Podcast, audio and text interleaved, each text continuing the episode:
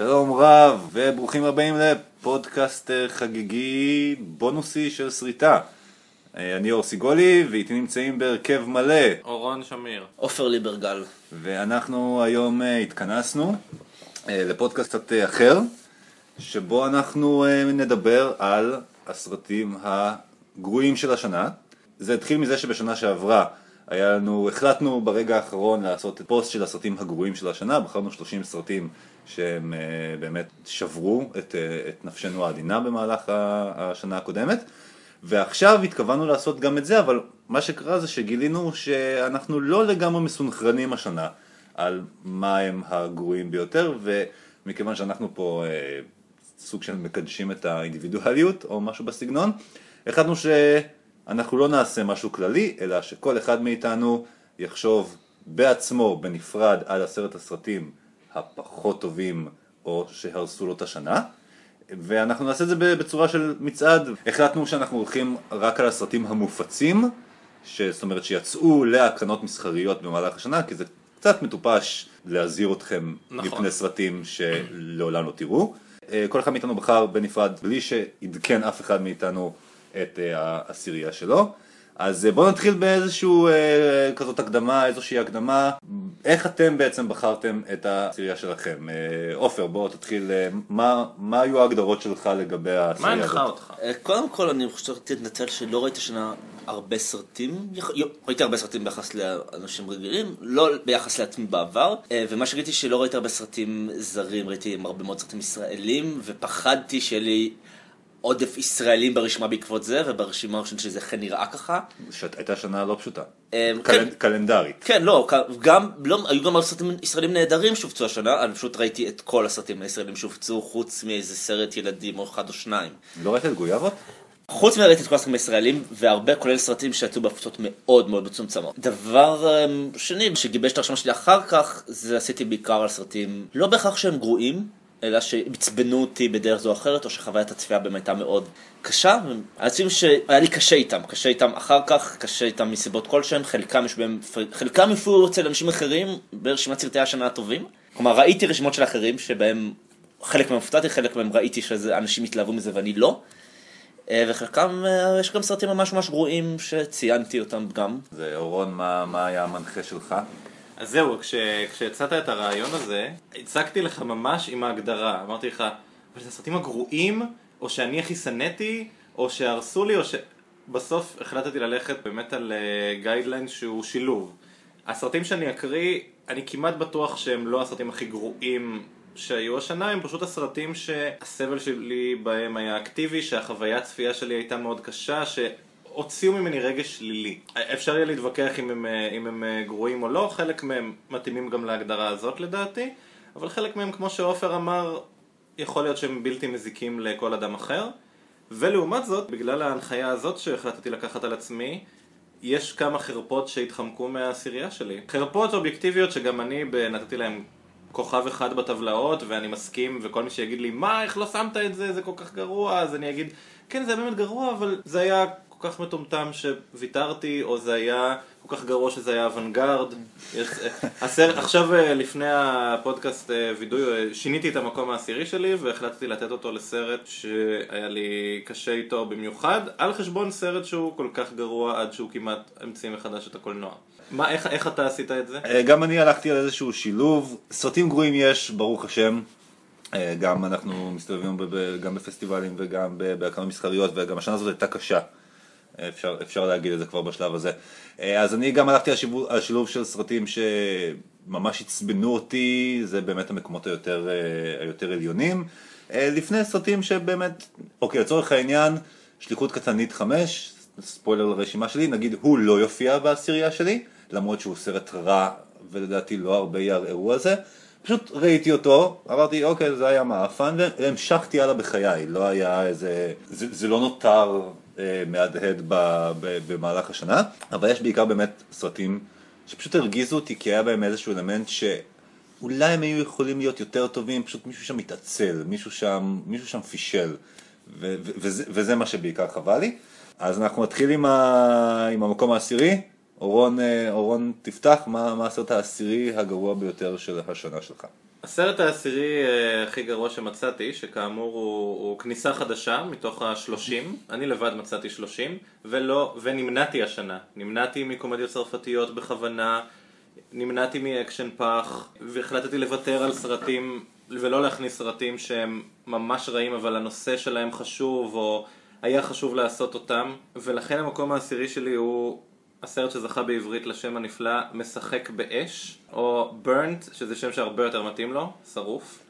זה סרט שהוא עוד דוגמה לזה שג'ון ווילס אה, פשוט יכול לקחת כל תסריט ולהחריב אותו עד היסוד, ראינו את זה באוגוסט מחוז אוסז'. הבן אדם מקבל איזה שחקנים שהוא רוצה, שחקנים נהדרים שלא יכולים לעשות תפקידים רעים ומוצאים מהם תפקידים רעים. אם אני זוכר טוב, אה, זה היה אחת השיחות הקשות של אור ושלי אחרי ההקרנה מבחינת אה, כמה שכלום לא עובד בסרט הזה, שהיה נחשב תסריט די טוב. שף אה, אקסצנטרי שלא מוצא את המקום שלו והורס לכולם את החיים מסביבו ולא, זה בעצם לא רעיון כל כך טוב לסרט, כי למה שאני ארצה לראות סרט על בן אדם שהוא כזה douche ואכן אפילו ברדלי קופר בקושי מצליח להוציא משהו מהדמות הזאת וכמובן שבסרט הזה יש רגע שבו אה, מבקרת מסעדות היא כל מה שרע בעולם ולי קצת נמאס עם הטרנד. כן, זה התחיל עם בירדמן בתחילת השנה עם המבקרים הבעייתיים.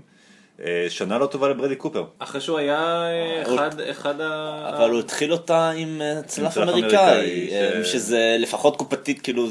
אני חושב שגם אפילו, כאילו הסרט שדיברנו עליו עכשיו, מחזיק מעד כאן בקולנועים בארץ די הרבה זמן כבר. האמת שכן, נכון. אה, כלומר, יש לו קהל, גם בגלל אוכל, שאני חושב שהולכים סרט על אוכל, אני לא אוי וואו, בואו נדבר אני לא ראיתי את הסרט, אבל... או, זהו, האמת שזה גם בהערת אבל צדק הסרט מעניין. הזה מצדיק, אה, מחזיק מעמד, כאילו הקהל אוהב את ברדלי קופר כנראה, ואוהב אוכל. אני, הסקירה של שריטה על משחק באש הייתה שלי, ל- לצערי, לשמחתי. נהניתי לכתוב את זה יותר ממה שנהניתי לראות את הסרט. אה, סרטי האוכל הם באמת הדבר שאני אני הכי סובל ממנו. כן, זה גם, זה, זה סרט שכולם אמרו לי, אוי, אבל האוכל בסרט מצולם כל כך, לא. הוא לא. הוא מצולם נורא, זה סרט שהכי לא עשה לי חשק לאכול. ממש. לצורך העניין, מאחותנו הקטנה יצאתי הרבה יותר מורעב, וזה סרט שרואים בו אנשים אוכלים באופן מאוד לא אסתטי. יצאתי ממנו הרבה יותר מורעב ועם אה, אה, passion אה, ללכת לקנות אה, אוכל סיני, מאשר ללכת לבקר במסעדה של אדם ג'ונס. אני לא יודע מה כל כך השתבש שם, אני מאשים את הבמאי. תסריטאי של, אה, של לוק, אם אני לא טועה, לא? כן, סטיב אה, נייט. לא תסריטאי רע. לא, לא, תסריט טוב. אני לא בטוח לגבי זה, אבל אה, עופר, מה מה המקום העשירי שלי, סרט בלי תסריט לדעתי, אה, בשם איביזה. איביזה. איביזה זה מעניין. הסרט, אני התלבטתי גם מאוד אם לשים אותו, כי יש בו משהו אה, מהנה, כי הוא כל כך לא קשור צנע אחת לשנייה. מהנה ב-A או בעין? ב-A. אה, כן, כן. אני- אני עם עופר, זה זה הווידוי שלי, זה היה המקום העשירי שלי עד אה, לפני שעה. מה אתה אומר? אבל באמת, איביזה הוא אוונגרד היה לנו את אותו אמיתי. דילמה בלי שתיאמנו אותה. הוא אוונגרד אמיתי. כן, הוא לא ניסה להיות אוונגרד, נכון. יש שם נגיד הופעת רוח של צחי נוי, שזה אמור להיות איזה מחווה לאסקימו לימון, היא לא קשורה לסרט, היא לא מבוינת, היא לא קשורה לעצמה, אין לה אחידות פנימית. ספוילר, צחי נוי מופיע מכיסא בשמיים ומפליץ. הרבה מהצלם בסרט זה נראה כאילו זה רעיון של סרט שיכול מאוד לעבוד. חלק מהלוקים שם הם הברקות, חלק מהברכות שם טובות. הסינופסיס של הסרט הזה יכול להיות סרט טוב. התחושה שלי שסילמו את הסינופסיס כי היו צריכים להוציא את זה השנה. יכול להיות כאן סרט אולי לא גדול, אבל סרט הרבה יותר מהנה וטוב. התחושה היא שהסרט הזה מרושל ומזורז, ואני רוצה להגיד... תעבדו על הסרט, עוד תשייפו אותם, תעשו קומדיית קיץ ממש טובה באמת, יש לנו, אנחנו מתקרבים לשם ולא מגיעים. אבל שוב, זה בסרטים ישראלים הוא השני או השלישי הכי מצליח השנה. אין סוף סרט עמוס בבעיות, עמוס בדברים לא קשורים, זה כאילו, שום דבר בו לא ממומש ברמה אידיאלית. עוד טייקים היה יכול לעזור להם. אני, אה, אני לא ראיתי את איביזה. שושנה חלוץ מרכזי כל כך אה, צילק את אה, נפשי והסתבכתי עם כל כך הרבה אנשים בגלל הסקירה עליו שאמרתי אוקיי. מזכירה עליו, למה התכוונת? סתם. זה, די, עברנו את זה. המקום העשירי שלי, וגם אגב הייתה לי שנה יחסית מוצלחת, ברגע האחרון גם שברתי את השיא של השנה שעברה ואני במצב די טוב. אתה? עכשיו, עוד, השנה לא- עוד לא הסתיימה כשאנחנו מקליטים את הפודקאסט הזה, אבל אני על אה, 324 סרטים. אלוהים יש. לי עוד, אה, יש לי עוד אה, שבועיים, אז כנראה שאני אגיע ל-335, משהו כזה.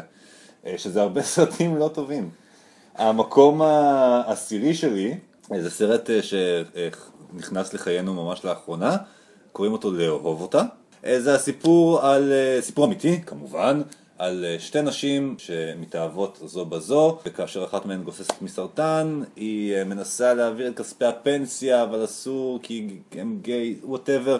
בכל מקרה, זה סיפור על איך שלושה גברים הצילו את ג'וליאן מור ואלן פייג' ממשבר כלכלי כלשהו. יש המון דברים שלא עובדים בסרט, למעשה רוב הדברים. זה מתחיל בזה שהכימיה בין שתי השחקניות הראשיות, ג'וליאן מור ואלן פייג', פשוט לא קיימת. הם זוג מטופש נורא על המסך, זה לא נראה טוב, אין במאי. וגם באמת בסופו של דבר, הנשים בו, שהם המרכז, הם כל כך משניות. והם כל כך לא אה, האדונות של הגורל שלהן, שזה קצת בלבל אותי. ג'וליאן מור נראית בהתחלה כאילו היא עושה פרודיה לילות בוגי, משהו שם, משהו שם לא מסתדר.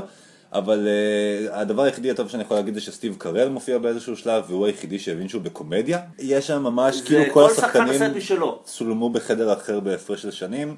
אז זה המקום העשירי שלי, אורון, המקום התשיעי שלך. במקום התשיעי שלי אה, נמצא סרט שיש מצב שאני היחיד מבינינו שראה אותו, אני לא זוכר בסוף איך הלכו ההשלמות שלכם, אבל הוא נקרא פן, או בעברית פן, לא כמו מחבת, כמו פיטר פן. עיבוד מאוד חופשי, יש לציין, של אה, ג'ו רייט לעלילות אה, הילד שלא מתבגר וגר בארץ לעולם לא וכולנו אוהבים, שאין לו שום קשר למקור שהוא איבד.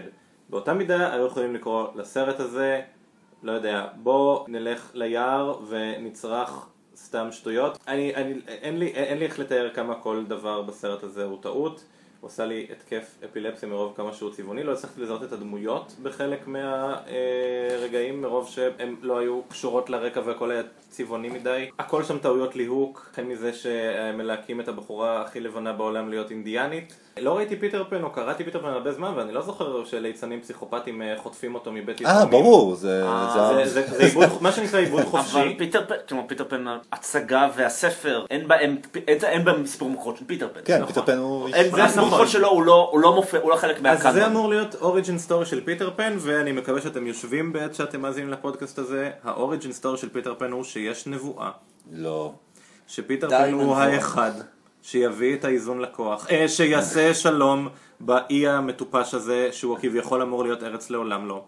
יו ג'קמן שם עושה את החיקוי הכי גרוע של ג'וני דפ שמישהו אי פעם עשה. באמת? זה ברמה הזאת? הוא פשוט, הוא פשוט עושה חיקוי של ג'ק ספארו על acid אוי. וצורח כל הסרט והוא השחקן הכי טוב שם. גארט הדלונד הוא משחק שם זוועה אבל הכי נהניתי מהדמות שלו כי הוא טומטום עם רעיונות. ספוילר הוא הוק בעצם לא? הוא, הוא ג'יימס הוק לפני שהוא היה קפטן הוק. אם, אם מישהו בטעות ראה את זה או לקח את הילד שלו לסרט הזה, אני מאוד אה, מצטער לשמוע. אין שום קשר בין הסרט הזה לפיטר פן, וג'ו רייט לצערי ממשיך את הקו הידרדרות שלו. אני לא אהבתי אותו אף פעם, את ג'ו רייט, אבל זה בטוח הדבר הכי גרוע שהוא עשה. מאוד ראוותני, מאוד over the top, באיזשהו שלב מישהו שר. העניין הוא ש... זה לא מתאים לפיטר פן, זה לא מתאים לסרט, זה לא יושב טוב על השחקנים, ואין שום סיבה לעשות את כל הנצנצים הזה, כי לא משנה כמה נצנצים אתה תשפוך על בול עץ, הוא עדיין יהיה בול עץ. המקום התשיעי שלי זה ארבעה מופלאים, או ארבעת המופלאים, אני לא יודע איך. זה, ארבעה מופלאים, עליו. ארבעה. אבל אף לא פלא אחד בסרט. וזה שוב, הרעיון, עמית אומר שפשוט, אה, איזה קומיקס שלא אי אפשר לאבד אותו לקולנוע, והוא לא טוב, אני חושב שזה קומיקס שיכול להיות חומר מצוין לסדרת סרטים קולנועיים, זה פשוט לא קורה. בסרט הזה הבעיה זה חוסר איזון בין החלקים השונים, לדעתי הסרט הזה יש לו מערכה שנייה מצוינת, הם פשוט את חמש דקות, ואז יש את הקליימקס של הסיום, שהוא אנטי קליימקס טוטאלי, עם נבל, עם תוכנית לא הגיונית, שהיא בהחלט בו זמנית לא הגיונית, וגם שחזור של כל התוכניות הקודמות, עם הקרן מחלל או ממד אחר, שבאמת להשמיד את כדור הארץ, נכון? כן, האמת שאני חייב, בגלל שראיתי את הסרט מ-94, כמה אתה- נכון, הוא הם היה לו המציאו סרטים את זה. מן העבר. כן. אז הם המציאו את זה, אבל, אוקיי, גם זה המקום הסגור שלהם, כבר עשו את זה היה בכל כך הרבה סרטים עכשיו. בכולם, שלא נאמר. ברובוטריקים, מארוול. והנוגמים, וזה אפילו לא סרט של מרוויל, זה... ובאפי, ארבעת המופלאים המקורי אתה אומר, חלק מהשחקנים הם פוטנציאל טוב להמשך הסדרה, אבל הסדרה הזאת לא תומשך. לא. לא, אבל למרות שבעצם אי אפשר לדעת, אני לא יודע. לא יודע, החליפו- זה היה כישלון אה, יותר גדול מפן. תמיד אפשר לעשות ריבוט. אז אני הולך להעיף לכם את המוח עכשיו ולהגיד שהמקום התשיעי שלי הוא ארבעה מופלאים גם. יצא לגמרי במקרה. וזה סרט שאגב, הוא לא, הוא לא מהסרטים שהכעיסו אותי או שהרגיזו אותי, פשוט אני לא חושב שאפשר לעשות עשירי, אני לא חושב שזה אחראי לעשות עשיריית הגרועים של 2015 בלי ארבעה מופלאים. סרט שלדעתי באמת היה צריך לגנוז בשלב העריכות. הוא לא עשה טוב לאף אחד, לא לאולפן, לא לבמאי, לא לשחקנים, לא למותג, ומה שהכי נורא שם זה שיש רגעים שבהם רואים איזה סרט טוב זה היה יכול להיות. הקטע שבו הגיבורים מתעוררים עם הכוחות שלהם ואתה מבין לאיזשהו רגע קצרצר איזה גיהנום זה יכול להיות, זה דברים ש... זה רגע, זה רגע חזק, ואתה מבין שניסו שם לעשות משהו אחר. לעולם לא נדע אם האולפנים הרגו את זה, אם הבמאי הרג את זה, אבל... הבמאי אגב, שווה להזכיר בשלב הזה, הוא ג'וש טראנק, נכון. שלקחת אה, בן אדם שעשה את כרוניקה בזמן אמת ולהעיף אותו ישר לסרט של 150 מיליון דולר. למרות שעברו לא מעט שנים, כאילו לא לא, מעט שנים לא- ב- זה לא אחראי. אבל אני חושב שזה די, עד שהוא עבד על ארבעה מופלים הרבה זמן. אבל אני יודע שזה לא... בזמן אמת, זה לא סרט כזה ישן. לא, אבל זה גם לא 2012. לא יודע פופולרית, אבל אם אתה לוקח את קולין טרברו, כאילו מי... מי, כל אה, אינטרובר מ Safety ל... כן, שגם, תקציב נורא נמוך. זה קפיצה הרבה יותר גדולה. זה קצת, טרנד השנה של הוליווד לנסות מצד אחד ל- להעמיד כוחות חדשים ורעננים ומצד שני לזרוק אותם בואו תעשו סרט בחצר של הבית שלכם לחצר של הבית שלכם עכשיו היא עולה 100 מיליון דולר. אני הייתי רוצה לסנגר על הסרט הזה שהוא לא בעשירייה מופלאים? שלי. ספר לנו, יאללה. הוא לא בעשירייה שלי, וכמו שאור אמר זה לא אחראי, אבל יצא שראיתי את ארבעה מופלאים בקולנוע בהקרנה רגילה, ולא הבנתי את השנאה כלפיו. סרט הכי רגיל, וכאילו גרוע בצורה רגילה, אז זה לא נכון. שאני, אני, שוב, אני, אני, אני הוא מספר כתוב, על הוא החוויה כתוב שלי. מוזר, אתה מבין שהמערכה הראשונה שלו נמתחת על פני שעתיים, ואז סוגרים הכל ברגע האחרון לא דקות. לזכות הסרט ייאמר שפחות משעתיים.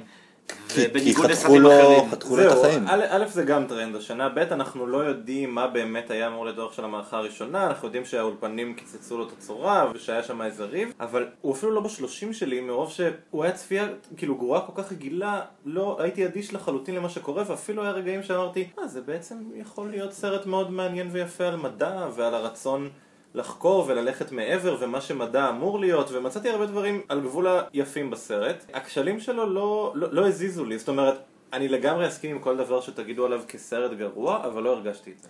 אז אה, אז אורון, המקום השמיני שלך. הוא אוטומטי, כי כל פעם שטים ברטון יעשה סרט הוא יהיה בעשיריית הגרועים שלי והמצב לא שונה עם עיניים גדולות. זה היה, אני חושב, מכל הסרטים שיש פה, הסוג סבל שהוא הסב לי היה הכי כואב, כי הייתי צריך לראות את כריסטוף וולץ משחק הרבה מאוד. או שבן אדם הזה יחזיר את האוסקר, או ש... את שניהם. לא, אחד הוא יכול את לשמור. שניהם הוא צריך להחזיר. אחד הוא או, ראוי. שתפסיק, או שתפסיקו ללהק אותו, כי באמת ש... אין, אין, אין, אין מילים למה שהוא עושה שם, מי, ש, מי שראה אני מניח הבין. זה אמור להיות סטייה מהקו של ברטון, אבל בעצם הוא לא יכול לעשות שום דבר אחר חוץ מאת הסיפור הרגיל והמטומטם שלו. סיפור של מרגרט קין הוא סיפור שיש בו הגבלות נגיד אולי טים ברטון שהוא גם כמו אומן לא ממש מוכשר. אבל זהו, הוא חושב שהוא היא, אבל כן. הוא לגמרי וולטר, הוא לגמרי לא, הוא, בעלה. הוא לגמרי, גם, גם היא, היא פשוט, היא אומנות שזוכה מאוד מוערכת, אבל יוצרים פשוט משהו מאוד חלול ורקני ורק צורתי. כן, זה קיץ'. אז יש הגבלות בינה לבין טים ברטון ובין בעלה לבין טים ברטון. למרות שהוא לא, אבל הוא לא גנב מאף אחד, הוא גנב מעצמו. זה כן. לא שהוא- לא, אבל הוא לא. גנב הוא לא פושע. אבל לא חשוב. אבל הוא... העני- העניין הוא שיש את- יש סצנה בסרט, נדמה לי- נדמה לי שזה הכותרות פתיחה אפילו, שמדפיסים אה, פוסטר אלף פעם, ושטים ברטון ירד על מישהו ש- שמדפיס משהו אלף פעם. זה פשוט, חבר'ה, זה חוסר מודעות עצמית איך שכל ברמה כל- הכי גבוהה שיש. כל סרט שלנו אנחנו חושבים שהנה הנה הוא יצא מזה, הנה הוא יחזור הוא לקח. צלם אחר, והוא לא, ניסה לצאת אבל הוא תמיד טים ברטון. התחושה שאין בו זה ביקורת עצמית, נגיד אבטאר שמבקר את הקפיטליזם זה סתירה פנימית, אבל זה עובד כסרט מודע לזה.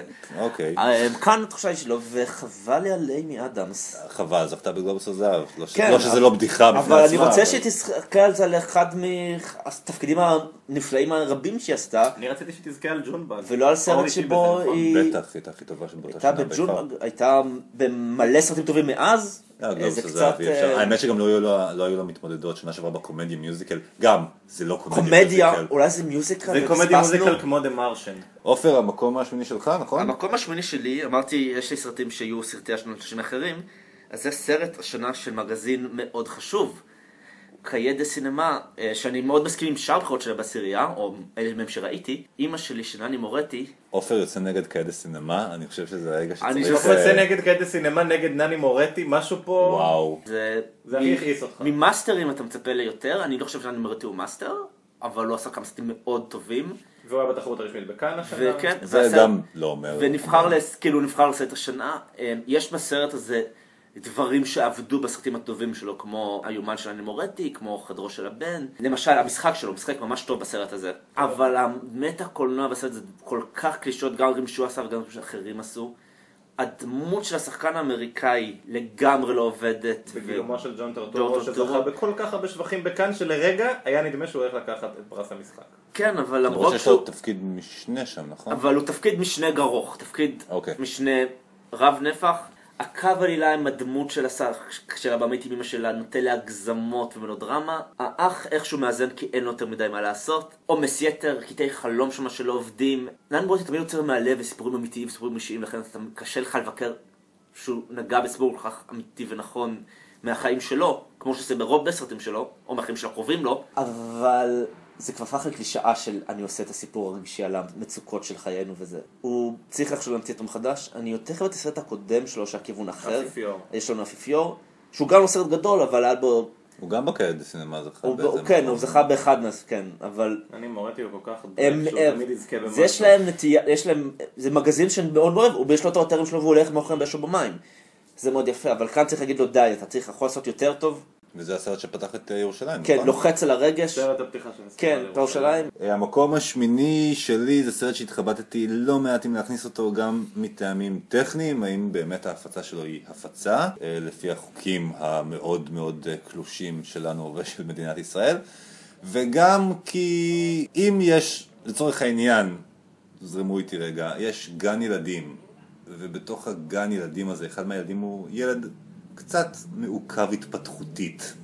אתה לא תכעס עליו, ואתה לא תחגוג את היותו בעייתי, אבל אם הילד הזה לא יפסיק להגיד כל הזמן הערות גזעניות ופוגעניות, אז באיזשהו שלב אתה תכעס. זה המצב שלי עם סרט עם קתרין דנב, שעופר טוען הוא זוכר יותר טוב ממני. זה השם של הסרט, כן? סרט עם קתרין דנב, סרט ישראלי, שהופץ באיזשהו... בסינמטק תל אביב, אבל אני לא- לא חושב שהוא אי פעם הגיע למצב של הקרנה יומית. אלא הקרנות מדי פעם. אני חושב שהוא היה מספיק מופץ בשביל שתרדו עליו, לכו על זה. אני לא רוצה לרדת עליו כי בסופו של דבר זה סרט שניסה. זה לא שהוא כאילו לקח תקציבים מטורפים לא, והסתובב אפס עם. ה... אפס תקציב. הוא גם לדעתי הפרויקט הראשון של הפרינג'ידר של מרט אה, פרחמובסקי ואלעד פלג. אז זה לא שהיה שם איזה משהו כאילו אה, רהבתני או זחוח שנפל והתרסק. פשוט הרבה בעיות, ולא הייתי מזכיר אותו ולא הייתי מדבר עליו אילולא היחס הממש ממש קטסטרופאי שלו לנשים, למוסד הזנות, לרוסים ולבני אדם באופן כללי. זה סרט מכעיס. אני, אני הייתי, אני ראיתי את זה באקדמיה עוד לפני שנתיים והייתי הייתי, הייתי, הייתי די המום מהסיפור הזה. הסרט הזה היה בשלב מסוים ממש בצמרת של הרשימה שלי, אחר כך הוא היה מקום 10, בסוף לא הכנסתי אותו. זה סרט, כן, יש בסרט הזה כן חדוות עשייה ותקציב נמוך ורות פרחי בתפקיד משנה, שאיכשהו נהיה סביר בתוך הסרט הזה למרות שהוא לא קשור לכלום. סיפור של אה, בחור, לא משנה, בחור שנותן בחורה לחבר שלו במתנה. וכולם בסדר עם והיא זה. זורמת עם זה עכשיו, אסיה נייפלד, שחקנית כולם- מוכשרת ויפה. מילא לשחק ו- זו- זונה טובת לב, כן, יש כאלה, יש זונות שאומרות שהן נהנות מהמקצוע שלהם, אבל, אה, כן, מכרת אותי לחבר שלך, איזה יופי. אני מאוד שמחה שעשית את זה, בלי לשאול אותי. זה היה מאוד מוזר לראות. רגע, הוא מכר או נתן במתנה? נתן במתנה, נתן במתנה. רגע, וזה לא בסדר, סתם. אה, שתי הדברים האלה לא בסדר. לא, היא גם זונה, היא גם רוסייה, היא גם נורא נהנית מכל הסיטואציה הזאת, גם החיים שלה רגע, משתפרים. ושני הגברים האלה הם גברים מבוגרים, הם נכון? מבוגרים. הם מוח- מוח- בני. מ- אבל הם מתנהגים כמו ילדים בני 20. אה, שיש איזה- מבוגרים שכרגע עזבו את הבת של ההורים, למרות שהם בני איזה 60-70 אולי. עניין. והייצוג בו של קטרין דנב הוא עילה לתביעת דיבה אם היא הייתה רואה את זה. אם היא הייתה. רואה את זה, חוץ מזה שהיא לא משחקת בסרט, קטרין דנב לא בסרט, זה אבל קטרין לא, יש בובה שאומרת במקומה קטעי רעיון שזה לא משהו שהיא תגיד במציאות והאישה הזאת עדיין חיה אוי, שכחתי מהבובות. ולא יפה להגיד דברים בשם אישה שכאילו מה זה חיה? עשתה שני סרטים השנה. היא עושה הרבה סרטים, כן, והיא היא- נהדרת, והיא נהדרת בשניהם. אז היו לנו השנה שני סרטים עם קתרין דנב, שלושה, שלושה כולל שניים מהם ראויים. אה, זהו סרט נהדר שהתפקיד שלה בו היה פחות טוב לי, הסרט הקומדיה אלוהית. קומדיה אלוהית. כן. אז אה, אורון, אנחנו אה, מתקדמים למקום השביעי. במקום השביעי בחרתי סרט שכמו שעופר אוהב להגיד, יככב ברשימות הסרטים הטובים של השנה של רגע, זה חלק סיקריו? מהעמיתים שלנו. לא, זה לא סיקריו. אני בחרדה עד הרגע שסיקריו יגיע. הסרט הזה הוא סרט שהיו לו נתונים לא רעים. יש לו במאי שאני אוהב, שחקן ראשי שאני מאוד אוהב, ואני חושב שהוא פלא עולם. אני יודע מי זה. וסיפור אמיתי שעבד פיקס בסרט הדוקומנטרי, ואיכשהו הכל קרס פה כמו מגדלי התאומים. עכשיו אני יודע שזה לא סטיב ג'ובס, זה לא על חבל דק, בסדר. נכון. אני על אומר לך חבל- שאתה סרט אחר. על חבל דק. התוכנית, נכון? היה לנו הרבה משהו. במאים גדולים שנפלו אני השנה. בכוונה עשיתי ככה שזה יתאים להרבה סרטים, אבל עכשיו אני אדבר קצת על, אני אשמח שאתם תצטרפו אליי על- חבל דק או The Walk. מה רוברט זמקיס חשב שהוא עושה שם, אני לא ממש בטוח. הסנגוריה הכי טובה ששמעתי על הסרט זה שהוא אמור להיות איזושהי אגדה. ואמור להיות במשהו לא ריאליסטי, זה לא סיבה לשים את ג'וזף גורדון לויט על לפיד של פסל החירות, כדי שיקריין לי את הסרט במבטא צרפתי נורא.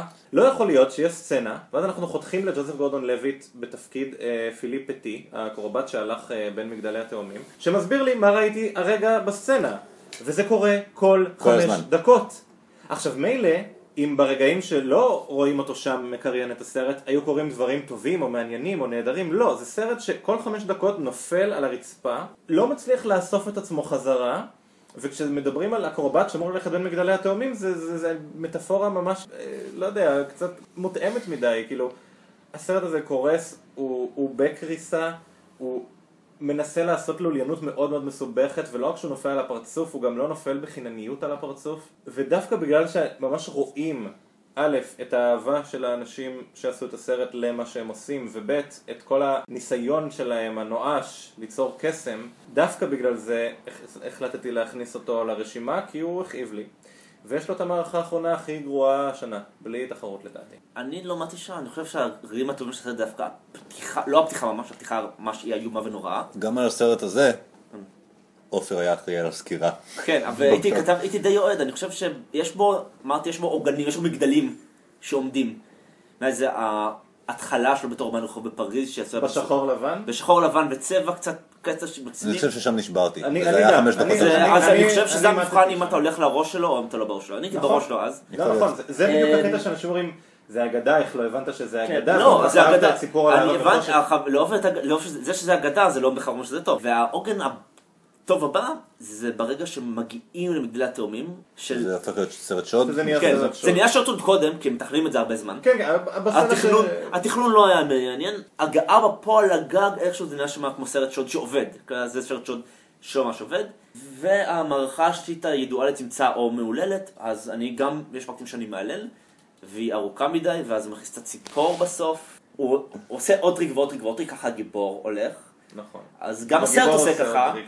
אה, ולפעמים היה עדיף פחות טריקים, כאילו ב- מה שעניין שהגיבור עצמו מדבר בסרט התיעודי, אז הוא לא מלא את עצמו, הוא אומר, הייתי גם מניאק לחברה שלי. נכון. טוב שהיא עזבה, וכאן, אה, היא פשוט עזבה אותי, לא בגלל שבגדתי ברגע אחרי שעליתי לעוד דברים. אה, עופר, המקום השביעי שלך. אז דיברנו על מאסטרים שנפלו, אז זה מקרה כואב.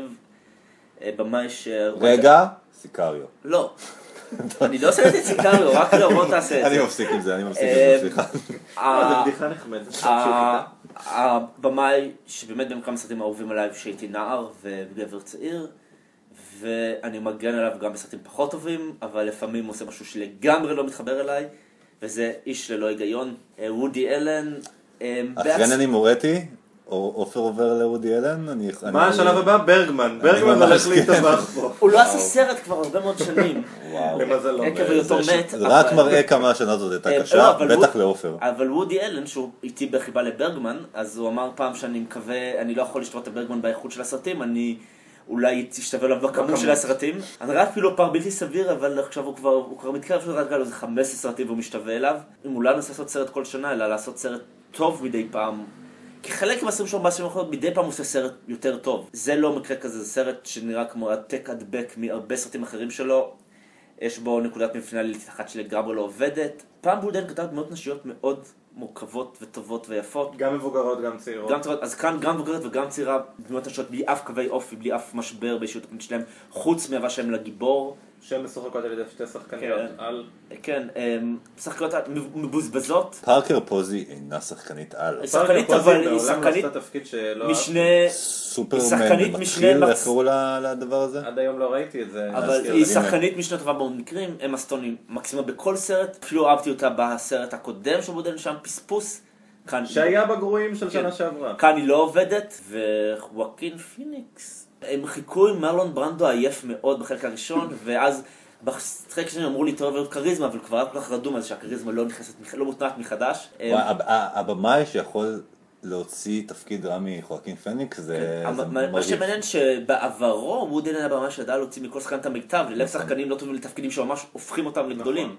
אה, וזה כבר לא קורה. אני מתחיל לאבד תקווה שנראה עוד סרטים ברמה של אה, חצות בפריז, או... אה, חצות בפריז זה ה... זה ולא, שלך. אני- אני לא, לפסגה לא נגיע, לפחות שיחזור לרמה של חצות. יסמין, את יסמין לא אהבת? כן. יסמין חיבבתי, אבל עכשיו, שזה יחזור, אני כבר, אולי כבר לא יחזור לרמה הזאת, בטח שלא לרמה של אני אול, או אולי הוא צריך. לשחרר את אמה סטון.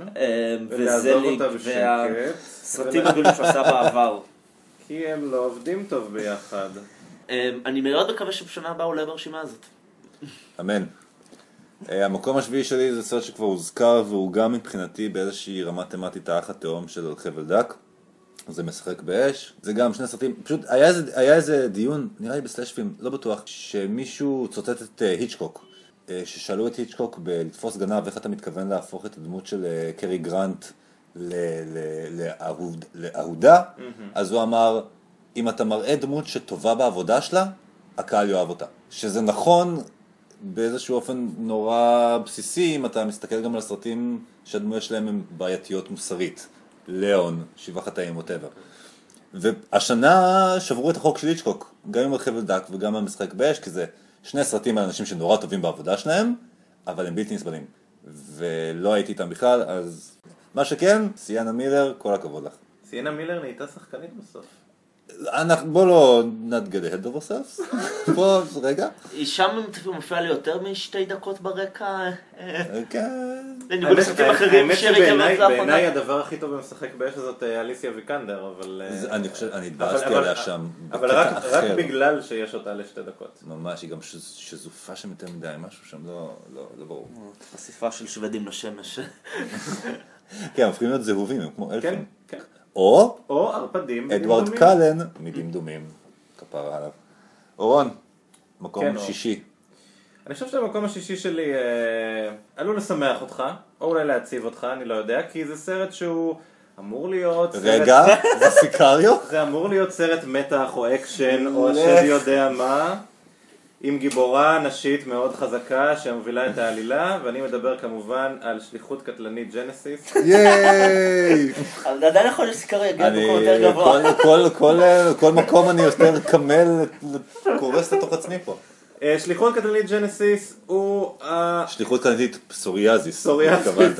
הוא בית ספר לאיך לא עושים sequel זה אנשים שאין סיכוי שהם ראו סרט בסדרת טרמינטור או סרט אי פעם. או סרט אי פעם, הבמאי אגב הוא אלן טיילור שמתמחה בלעשות סיקוולים חרא, הוא עשה את תור 2 אני לא רוצה לדבר על האנשים שכתבו ועסקו במלאכה.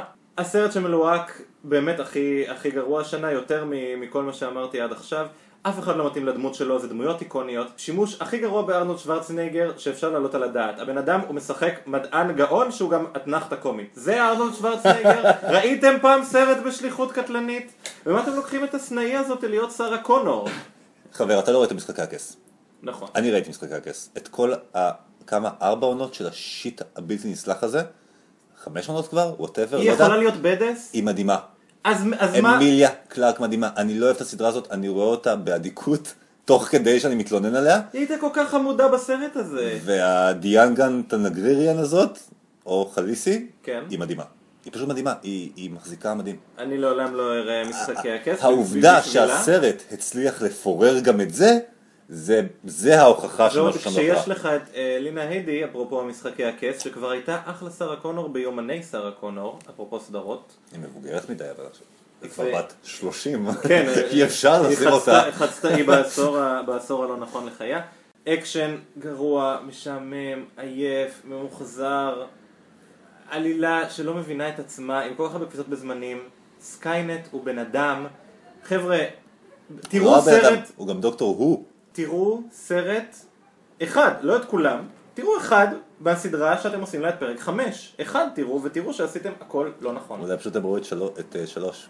ארבע. אפשר אה, אולי להקדיש כמה דקות לג'יי קורטני, כי אני לא מבין איך איך זה ממשיך להיות ג'יי- מלוהק. ג'יי- ג'יי קורטני הוא לדעתי אה, באמת, אה, יש- יש פסל בדמותו בכפר של האנשים חסרי הבעה, רגש ואח שריריים, הוא- הוא הוא הוא בא. ריק, הוא כוכב שחור, הוא כאילו חור שחור של של אין שום דמות העולם. שהוא לא יכול לא לגלם.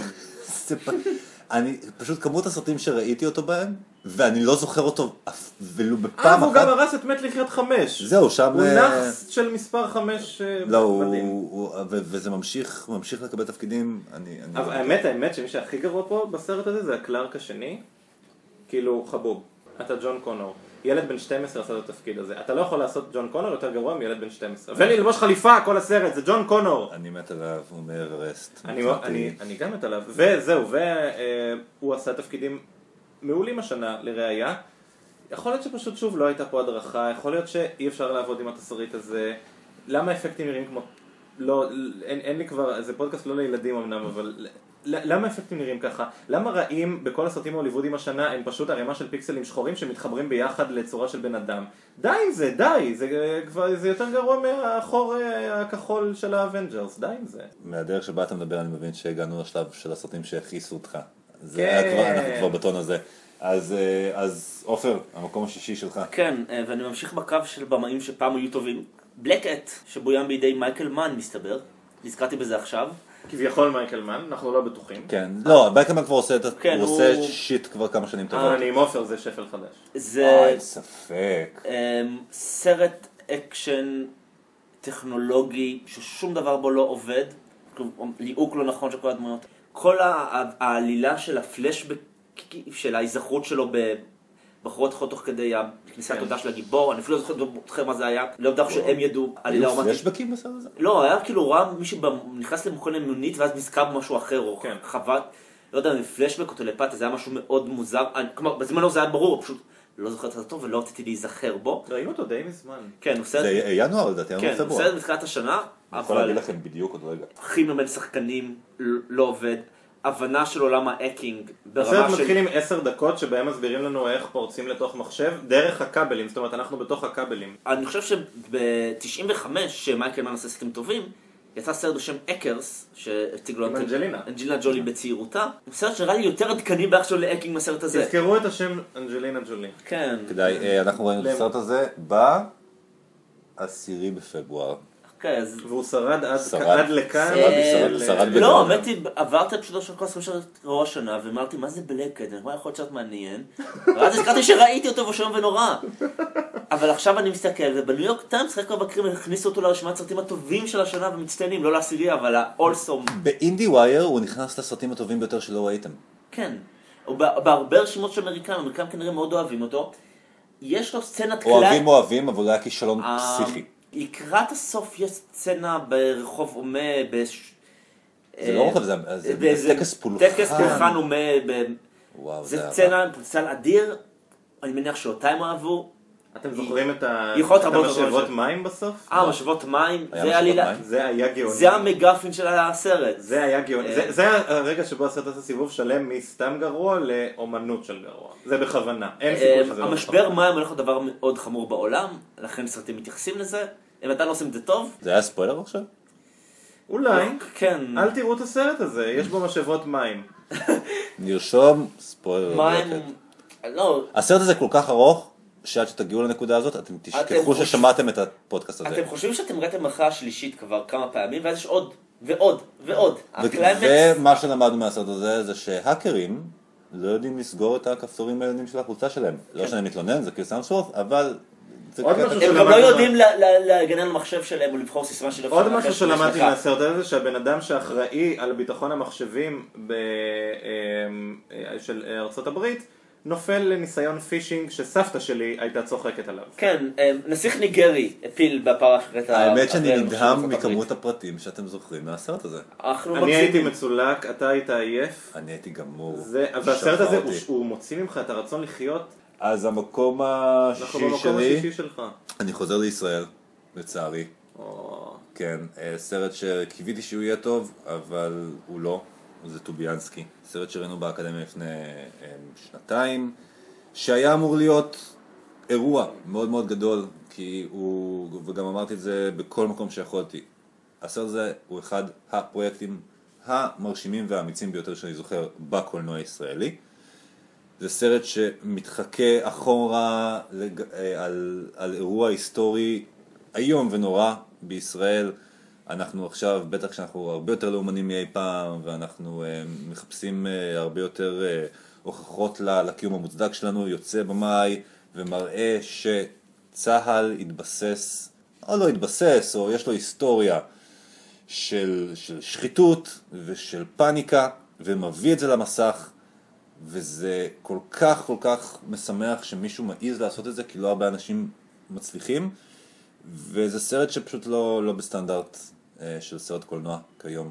אה, לא יודע לאן הכסף הלך, לא יודע למה אף אחד בחדר עריכה לא אמר, תקשיב, רגע, אל תעשה את הסלואו מושן הזה בשלב הזה, בבקשה, בבקשה ממך. אה, אז, אה, אז זה בעיקר הציב אותי, ואני מקווה שזה לא ימנע מבמאים אחרים לנסות לעשות, אה, לעשות את זה שוב. דווקא חבל, זו פרשה מאוד ספציפית שפרשה ממש יפה. זה מרתק, זה סיפור מרתק. הרצון להתמודד את הפרשה הזאת הוא רצון מאוד כנה. זה נעשה דיברת עריכה מחפירה, הליהוק שם גם, שוב, זה ליהוק זה הדבר שממש מפיל סרטים ולא נותנים עליו את הדעת מספיק. אה, מנהל הקרן שתמכה בסרט אה, פרסם בארץ מכתב תגובה נגד הביקורות. זה אני מת על זה. בבקשה, יוצרים, אתם יכולים להפסיק עם זה? אל זה לא יוצר, אל כאילו- אל תעשו לא, את זה. זה לא, זה לא עובד. טיעון אבל שהוא העלה, שכדי שסרט יהיה, עדיף שסרט יהיה מדויק היסטורית ולא סרט טוב, והוא נתן גם סרטים היסטוריים אחרים שתנוע הם לא טובים כמדויקים היסטורית, הם יותר טובים מטוביאנסקי. למי אכפת מהדיוק ההיסטורי ו- של טוביאנסקי? אנחנו נחזור לנושא הזה, תזכרו את הנושא הזה. וטוביאנסקי? לא מדויק היסטורית, כי בהיסטוריה אין טובים ורעים. והרעים בסרט הזה הם האפיון אישיות שלהם. אוי, הוא גם אה, שוכב עם הפקידה שלו ומתאכזר אליה. הוא מאוד תשעתי, הוא לא תורם לפרשה, הוא מחליש את הסרט. הרבה יותר מעניין לראות בן אדם שהוא גם טוב וגם רע עושה מעשה לא מוסרי, מאשר בן אדם שהוא השטן בכל דרך אפשרית. אז אה, עכשיו אנחנו מתקדמים לחמישייה. החמישייה. החמישיות. רון, המקום החמישי שלך. אני אפתח את החמישייה שלי, אני, אני אנסה לדבר uh, קצר על הסרט הזה, אם הייתי יכול הייתי שר את מה שיש לי להגיד, אבל אם סטיבל זונדהיים עושה מחזה ומישהו איבד אותו לקולנוע, בטח ובטח אם הוא עושה חיקוי של טים ברטון, אז הוא בחמישייה שלי, אני מדבר על אל תוך התחת, סליחה, אל תוך היער של רוב מרשל. אני לא סבלתי ככה בסרט בקטע של אין שנייה אחת בסרט הזה שבה נשמתי לי לרווחה. פשוט מההתחלה ועד הסוף אנשים שרים, הם שרים נורא, הם שרים בצורה שאני לא יכול להבין כמלודית או הרמונית או כל המילים האלה, אני יודע שאנשים מתים על זונדהיים בדיוק בגלל זה, כי הוא משחק עם זה משהו, אני לא מספיק חכם בשביל הסרטים שלו, ולקחת ולהרוג כל כך הרבה אגדות עם כל כך הרבה שחקנים חמודים, זה היה פשוט פשע מוחלט בעיניי, אני מתנצל. אז אני הולך אה, לצאת נגד, לא כי הסרט הזה טוב, אה, אבל אני חושב שהבסיס, המחזמר עצמו, הוא כל כך מדהים, שאפילו כל הכשלים של רוב מרשל לא יצליחו להרוס אותו. הוא סרט, הוא סרט לא, לא מוצלח, אין, אין ספק, וזה בעיקר באשמת דיסני, שלקחו והפכו אותו למחזמר בכל המשפחה. אנחנו שמים את זה ב-S5. כסרט ילדים. כסרט ילדים. הסרט הזה, הבסיס הוא מהאפלים שהי- שהיו בברודוויי, הרבה מהאגדות ילדים הם... אה, ושם הם לקחו את זה. לאקסטרים, יש לו קטע מדהים שבו החצ... החצי הראשון שלו זה על עולם האגדות, החצי השני שלו זה מה קורה אחרי ה-Happily Never After, הסרט ממוטט את זה לחלוטין, אז בהקשר הזה, דווקא אני הייתי שם, הייתי, לא שמתי אותו, אבל הייתי שם אותו בעשיריות, כי זה אולי העיבוד המכעיס ביותר שעשו ליצירה מרשימה במיוחד. אני לא אוהב את זונדהיים ולא את העיבוד, אני... אני... גם, אני חושב שזה סרט שכן הבנתי, זאת אומרת, אני מבין מה ניסו לעשות הכ- שם, כן, הכל די ברור, אבל... אבל זה היה... כ- כאילו אני, אני שוב, אני למה הם שרים? אולי, אולי... למה בלי אה, חרוזים? למה במשקל הזה? אתקן את עצמי, זה לא שאני אה, מתנגד לזה שהצבת אותו, פשוט נורא עצוב לי שזה המצב. אני, אני, אני, לי היה. יותר עצוב, תאמין לי, זה היה שעתיים קשות. אני מאז עם ה... כמעט אה, כל, אה, כל פעם בשבוע עם הפסקול באוזניות בדרך הביתה. כי הוא מדהים. הסקירה בבלוג הייתה של עופר. באמת? נעבור לעופר. אני לא זוכר מה כתב, אני... אני חושב שפשוט יותר יותר נותן את הרוב מרשל, רואה את עצמו בטח כבוב פוסי של ימינו, שיר הגה. והוא לא, הוא נטול, אה, כל הסרטים שלו אין בהם ברק, אין בהם את המקוריות של... למרות שהוא גם, הוא זה שהוא שם את אגוני על המפל, הוא- ידע לעשות שם הוא מנסה דברים. זה- זה ב-20 רגעים שלי. אה, אתה יודע מה? זה הרגע הריליף היחיד בסרט. וגם, הוא היה עשוי כל כך לא טוב, אבל הבנתי שמישהו ניסה יש- כן לשבור שם איזה אז. יש בסרט הזה רגעים, יש בו כמה שחקנים שאני מאוד אוהב ואני גם אוהב לשמוע אותם שרים, בין אם הם זמרים טבעיים בין אם לא. או מריל סטריפ. סטריפ היא זמרת טובה מאוד, לדעתי. אולי היא צריכה לחשוב על קריירה בתחום הזה, כי בתחום אחר מתחילה כבר לעצבן אותי. אמ, לא נוגעים במריל סטריפ, אני חברים. כן, אני- אני- עופר אני- הרג את נני מורטי ווודי אלן. אני אהיה הדודה של שריטה היום, ואני אומר, מריל סטריפ אני מת עליה, אמ, היא הפכה לכל כזאת אישיות גדולה, שהנוכחות שלה בסרטים הופכת לבעיה. אני חושב שזה זה- זה ככה כבר שנים אגב. נכון, זה שני, אני לא- זה לא דבר חדש. זה גם טיעון שאיזה מגיב יתווכח איתך עליו. כן, אבל... אנשים לא מזהים את מריל... אה, מה, אתה צוחק? כאילו, אנשים באים בשביל מריל אה, סטריפ. ראינו סרטים השנה פעמיים, סרטים של שעתיים, שבהם היא מופיעה לשתי דקות, ואנשים בעצם מדברים עליה. רק עליה זה בסרט. של שעתיים. זה לא... תפקיד של שתי דקות אמור לגנוב את ההצגה. אז באינטו דברות התפקיד שלה יותר גדול, אז זה בסדר כשהוא את זה, יש לה גם אחד מהשירים היותר טובים בסרט הוא שלה, אבל של הסרט... האימא והבת. אה, לא, אה, לא, לא, גם שיש לה את ה... ה- יש לה שיר... Last Midnight. זה- לא, זה לא, The האחרון. Last Midnight, אבל גם גם את השיר Mother... יש לה שתי שירים מאוד טובים בסרט. יש לה גם את השיר שבו היא מספרת על מה גדל לה בגינה. ראפ התבלינים של מריל סטריפ בסרט הזה הוא רגע מושלם. אה, אני כבר לא... הייתי החיבה. שלך למחזות זמר היא אה, מצד אחד מי שהצליח לחרוז. רוגלה. אבל אז. שוב, זה כבוד לסטיבן זונר, אה, וזה, או והפרולוג הזה וזה מה שקורה שאנחנו מדברים קצר. טוב, אני לא רוצה לדבר על כן. הסרט הזה, עופר. מקום חמישי. מקום חמישי. אה, נחזור לישראל נראה לי, ולסרט של במאי שיוזכר כאן עוד, אבל זה הייצוג היחיד שלו אצלי, צילי. אני כבר מתבלבל עם כל הפילמוגרפיה. אור עדיין מחכה לסיגריות. אני יושב בחרדה פה. אה, אה, עמוס ביטאו במאי שאני בעייתי איתו, יש סרטים שלו שאני מאוד מעריך, וכמעט בכל סרט יש אלמנטים שאני מאוד מעריך. צילי מתבסס על ספר אחד מהסופרים שאני הכי אוהב, שנחבט השנה בקולנוע אהרון הישראלי. אפלפלד, שקראתי 30 משהו ספרים שלו. וואו. זה לא כל מה שהוא פרסם, אבל קראתי הרבה. מה היה לנו? אה, פנסיון פה. פנסיון פרחט, ש- הוא פוספס פעמיים, אבל בצ- אני לא יכול לשמוע את השם הזה בלי צחוק. בצילי אני כבר לא, אני אפילו לא ברור מה הוא ניסה אני לעשות. רוצה להגיד לבריאות לכל מי שאומר פנסיון פרח. זה... אין ספק שיש בו הרבה רגעים של עמוס גיטאי, כאילו של העלילה המופשטת, נגיד ריקוד בהתחלה, דמות שמובעת דרך שתי שחקניות שונות. סצנות סימבוליות שם הן עזות מדי, הן לא ממש עוברות. החזרה לפתיחה בסיור עם עליה קנינג גם מוזרה. יש יותר מדי עריכה בסדר של גיטאי. וואו, זו תלונה ממש... אה, לא, אבל כי אתה... במאי של one shot ים של... של- כן, לא, אבל- מזה. ממש one shot צריך לערוך בנקודות הנכונים. העריכה ב one shot ים היא מאוד מאוד חשובה. צילי הוא לא סרט של one shot ים, הוא סרט שיש בו כמה וואן שוטים, יש בו מוטים שהם ערוכים יותר מדי. התחושה היא שלא היה לו את השוטים שהוא רוצה. הצילום בארץ כדי שזה יהיה אוקראינה או פולין, זה לא נראה זה לא נראה כמו חורף קשה. זה לא השלג שהאנשים האלה היו צריכים לעבור במציאות. הסרט הזה לא העביר את. אבל אני מסכים, הסרט הזה הוא לא רק הפקה דלה, הוא פשוט, לדעתי, אה, כרגיל אצל גיטאי, אה, פשוט... בוא נעשה את הסרט הזה השנה כדי לזכור את הסרט הבא כבר אחריו. בדיוק, פשוט בואו נגמור עם זה כמה שיותר מהר. אה, וכשמדובר על במאי שלא יודע מה הוא עושה מראש, אז אנחנו בבעיה.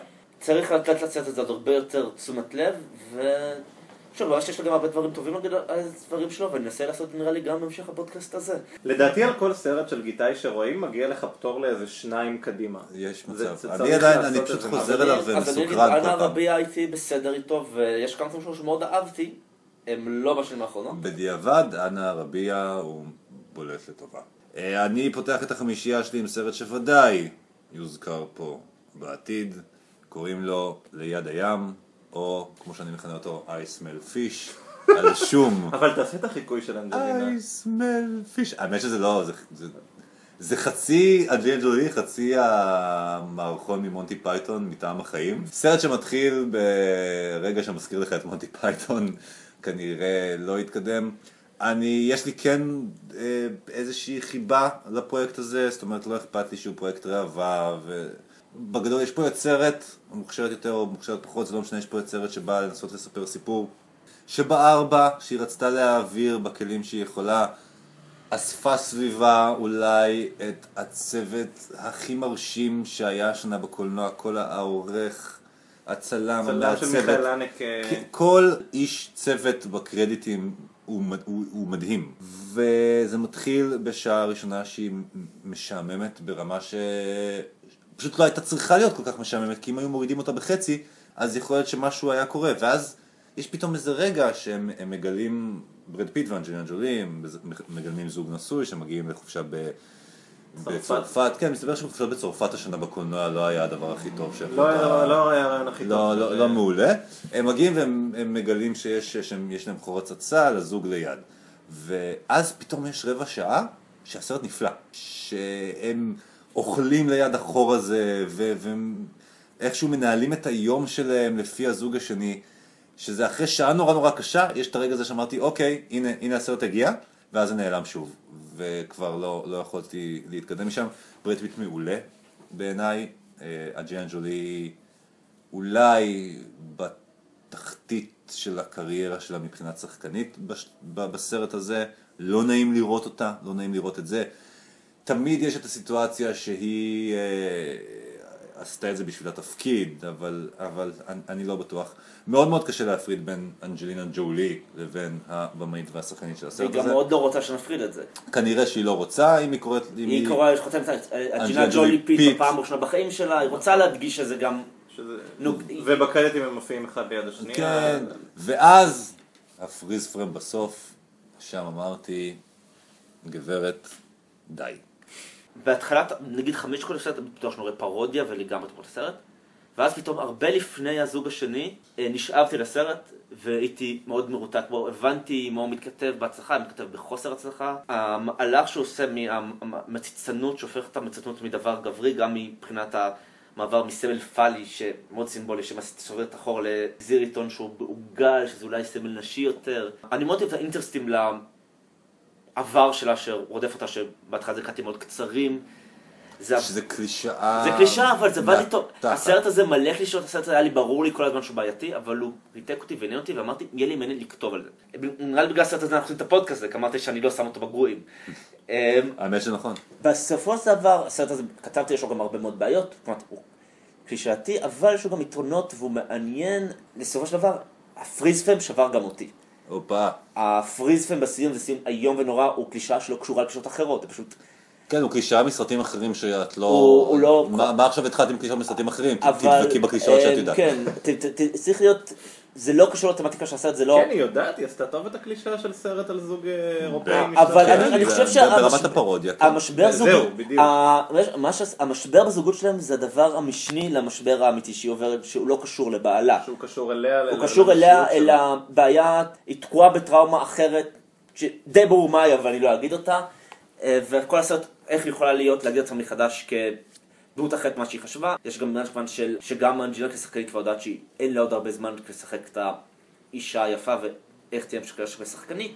שזה מזה איזושהי רקדנית שכבר לא יכולה לשחק, לרקוד, כי רקדניות, הטווח חיים שלהם, בניגוד לרקדנים אגב, הוא קצר מאוד. עשו דברים מאוד תיאורטיים. איכשהו, משהו בלוקיישן, גם בכישרון של כן עבד עליי. שוב, היא באמת לא מספיק טובה. תסריטאית בכלל לא מספיק טובה. אורון, מקום אה, רביעי. במקום הרביעי שלי, יש סרט שאני חושב שאני היחיד שראה, אז אני לא יודע איך וכמה אתם תוכלו לעזור לי בדיון עליו.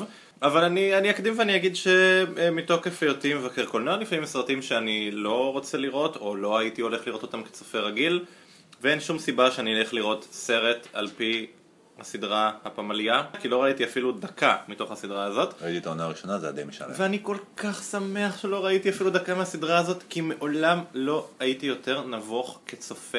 הסרט הזה בייש אותי כאדם, כגבר, כמשהו, כישות. הסרט הכי שונא אדם, נשים, אה, אה, אנשים שהם לא עשירים, שראיתי בחיים שלי.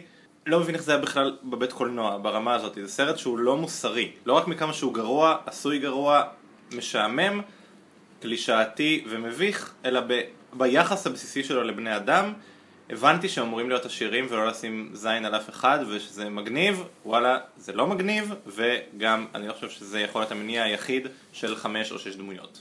תודה. לא ראיתי. אה, ראיתי את הסדרה.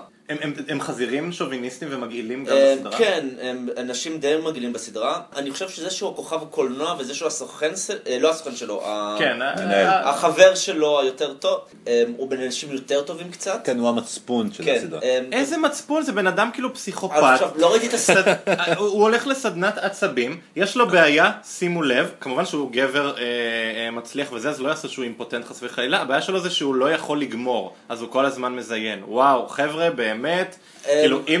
מה, איך, איך עוד הפוך על הפוך שוב, אתם יכולים אה, להוציא את הגיבורים שלכם טוב מלהיות לא חארות? ראיתי, לא ראיתי את הסרט, בסדרה יש פרקים שמוציאים אותם עם יותר אירוניה עצמית, אה, מוציאים אותם רע. טוב, לא סדרה גדולה, אבל סדרה מענה בדרכה. בסרט של שעתה שהוא יותר גדול, אז הם אולי הגזימו את הדברים שעובדים בחצי שעה, אבל שוב, לא ראיתי את הסרט. אה, ראיתי את רוב הסדרה הם בחיבה אה, מסוימת. זה אותו במאי ותסריטאי, כן, אז אני מניח שזה אותו, אותו, זה אותו דבר. הוא אה, פשוט אידיוט. מה המקום הרביעי שלך, עופר? המקום הרביעי שלי הוא סרט שמאוד רציתי לאהוב, והוא בחלקים ממנו שאמרתי, או הנה מגיע הסרט שאני אוהב, ואז הגיע חלקים שממש הכיס אותי מוסרית, ואז עוד וריאציה על קטע שיותר הכי- יכעיס אותי, והסרט זה קינגסמן. וואו. שקלתי להכניס את זה. אני גם חשבתי על זה. אז אה, אני שמח שאני כאילו... טוב, סרט שיש בו כל הסיבות התלאית, הם קומיקס כאילו אלים וחתרני. אז יש גם דברים כאילו בקינגמן שהם טובים, כאילו... שוב, סרט שאני, כל מי שיגיד, וואו, ממש נהניתי בסרט, אני יבין, אוקיי, אני מבין למה נהנית, אני גם מוסיף, אבל יש שם מאוד מאוד בעייתי. אה, אותי הוא שבר בסצנה מאוד מאוד בסרט ספציפית, הזה- הייתי. איתו... עד- אז יש לו- יש בו צנות יפות, יש בו הומור שעובד. הצצנה בכנסייה היא בעייתית בגלל שהם לא רואים כמה זה רע. סרט חוגג אלימות ואומר, זה בסדר, הוא נהנה ממנה. זה מגניב. זה לא בסדר, זה- כיף, זה הסרט, עכשיו. חוץ מזה, גם הנבל הראשי של הסרט הוא. פילנטרופ של שלום. הנבל שלכם הוא האיש שאומר כאילו, מה שאתה אומר, אנשים שאומרים שמדברים על שלום, הם הרעים, ובואו נהרוג אחד את השני, בין אם החברה גורמת לעשות את זה, ובין אם זה סתם דבר יעיל. לקחת את החוק לידיים, זה בעצם מה שקינגסמן עושה, זה שירות חשאי של אף מדינה, הוא של גברים שרוצים לשמור את האלימות לעצמם, כי הם יודעים יותר טוב. והם מתלבשים יפה. זה גם מה שמדינות עושות בעצם, אבל כאן זה ארגון לא מדינה שעושה את זה. שוב, כמה שחקנים מאוד טובים, כמה שחקנים פחות טובים. ואם איכשהו אמרתי, אוקיי, אז אני מבין, גם הייתי ב Kick-Ass, אוקיי, האלימות הזאת, אני לא מתחבר אליה. זה אותו לא במאי בא- כן, וכותב קומיקס. כן, אז אני, אני לא... אני מבין את זה, איכשהו עם טרנטינו ואפילו עם אוליבר סטון הרגשתי יותר ביקורת, הייתי בסדר. הדמות של הנסיכה או המלכה השוודית, איך שמסיימת את הסרט, הנשים בתור פרס, גם בג'יימס בונד זה כבר לא עובד ככה. אז כי סיימנו עם הסקסטיז, אני חושב. כן, איך שזה נעשה בקינגסמן זה... עם הסקסטיזם. זה שיא של סקסיסטיות וחוסר טעם, וזה גורם אה, לנשים לראות זול, זה גורם למין לראות דו- כדבר שאף פעם לא קשור לאהבה או תשוקה של משהו. לא, מין בסרט הזה הוא עוד צורה של אלימות. וכן, שזה עוד יכול להיות מעניין מש- בטיפול מסוים. עכשיו, שוב, זה- גם בדמות של. אחת מהנשים החזקות והמסורות בסרט, האישה עם חזקית תופסה בסרט, זה היא בת אצולה שוודית, היא דמות שנבנית, אוקיי, זאת הדמות החזקה, הופכת להיות הדמות הכי מושפלת והכי מוגחכת, שהכי מזנה את עצמה. אה, אני, איתך, אני, אני נשברתי אה, באותה סצנת אה, כנסייה ידועה, ואני לא זוכר מתי כאילו התחלחלתי ככה מאלימות בסרט, וזו אלימות שהיא הכי קומיקס. זאת אומרת, ברור שאם אתה תפגע בבן אדם בצורה מסוימת הוא לא ישפריץ דם, או יתחלק לשניים, או את כל הדברים שקורים בסרט, זה הכל גרוטסקה, זה הכל קריקטורה, וזה עשה לי רע ממש. יכול להיות שאני מזדקן, יכול להיות שהסרט הזה הוא פשוט טעם רע בקטע חדש. אבל הצורה שבה, כמו שעופר אמר, הוא חוגג אלימות, והוא- נגד כל דבר שטוב ויפה בעולם. אין לי בעיה עם סרטים אלימים מאוד. אנחנו ראינו סרטים אלימים מאוד, אה, בסרטי השנה שלנו. אז למה זה כל כך. מחליא לא בסרט? כי התחושה היא לא. שכאן היוצרים באמת אוהבים את זה. אז המקום הרביעי שלי אה, זה הסרט בלקהט, שמעבר לכל אה, הכישלונות הגדולים שלו, הוא מעל שעתיים, לדעתי הוא שעתיים וחצי, ובאמת, הרגיש אין, יותר. אין, אין שם כלום לשעתיים, אין שם כלום לשעה וחצי, באמת רע, לא ראיתם את הסרט הזה, טוב מאוד, אף אחד לא ראה אותו, העולם ימשיך, ואנחנו בשלישייה, בש- בשלושת הגדולים. טוב, בשלושת הגדולים אני, אני חייב לחזור אל הקולנוע הישראלי.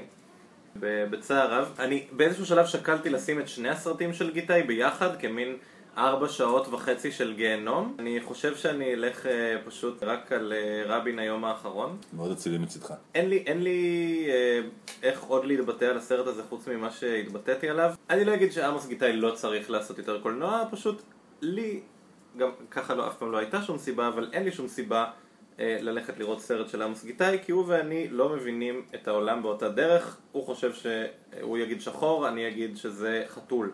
זאת רמת חוסר התקשורת בינינו. אין שום דבר שעבד לי בסרט הזה. משלב הקונספט ועד שלב הביצוע, סרט שהוא ביזיון לרבין, למי שעשה אותו ולמי שצופה בו, טוב מאוד שהוא עף אחרי שבועיים מהקולנוע. ולמה הוא שעתיים וחצי? למה? מילים כדורבנות, אה, עופר, שאני- אני אגן, זהו, זה הסרט השני שאמרתי שאני לא יכול להיות של ממגורים. בגלל העניין של חוויית הצפייה, למרות שלא צריך שעתיים וחצי, אה, למרות שיש לי הרבה ביקורת עליו, בניגוד לסרטים אחרים ברשימה הזאת, אני הייתי די מרותק לחוויית הצפייה. בקטע של כאילו תאונת רכבת? לא, בקטע של רציתי לראות מה הוא עושה. אהבת להגיד שבוואן שוט אז הניצבים מסתכלים למצלמה? אני, זה בימוי הניצבים הגרוע ביותר שהייתי כן, אז... בכוונה, אבל אין סיכוי שזה אה, בכוונה. זה בכוונה? אה, אני- אה, בגלל שגיטאי... רישול, רישול בצורתו התאורה ביותר. גיטאי כמוני אוהב סרטים של אנגלופולוס, ואצל אנגלופולוס יש שם שזה ברור שם בכוונה, אז יש לו פשוט אנשים עוצרים פיזית להרבה זמן. גיטאי ראה וגם כאן אפילו בונה את זה, יש את הוואן שוט שאני אוהב קונספטואלית, שרואים את החומר הארכיון על המסך, ואתה כאן מדברת עליו, אז רואים שגם בזמן אחר עדיין זה רודף אותם בזמן שאנשי הארכיון מחפשים משהו אחר ומביאים להם, אבל הרצח עדיין מתרחש על המסך ועדיין לא נמנע.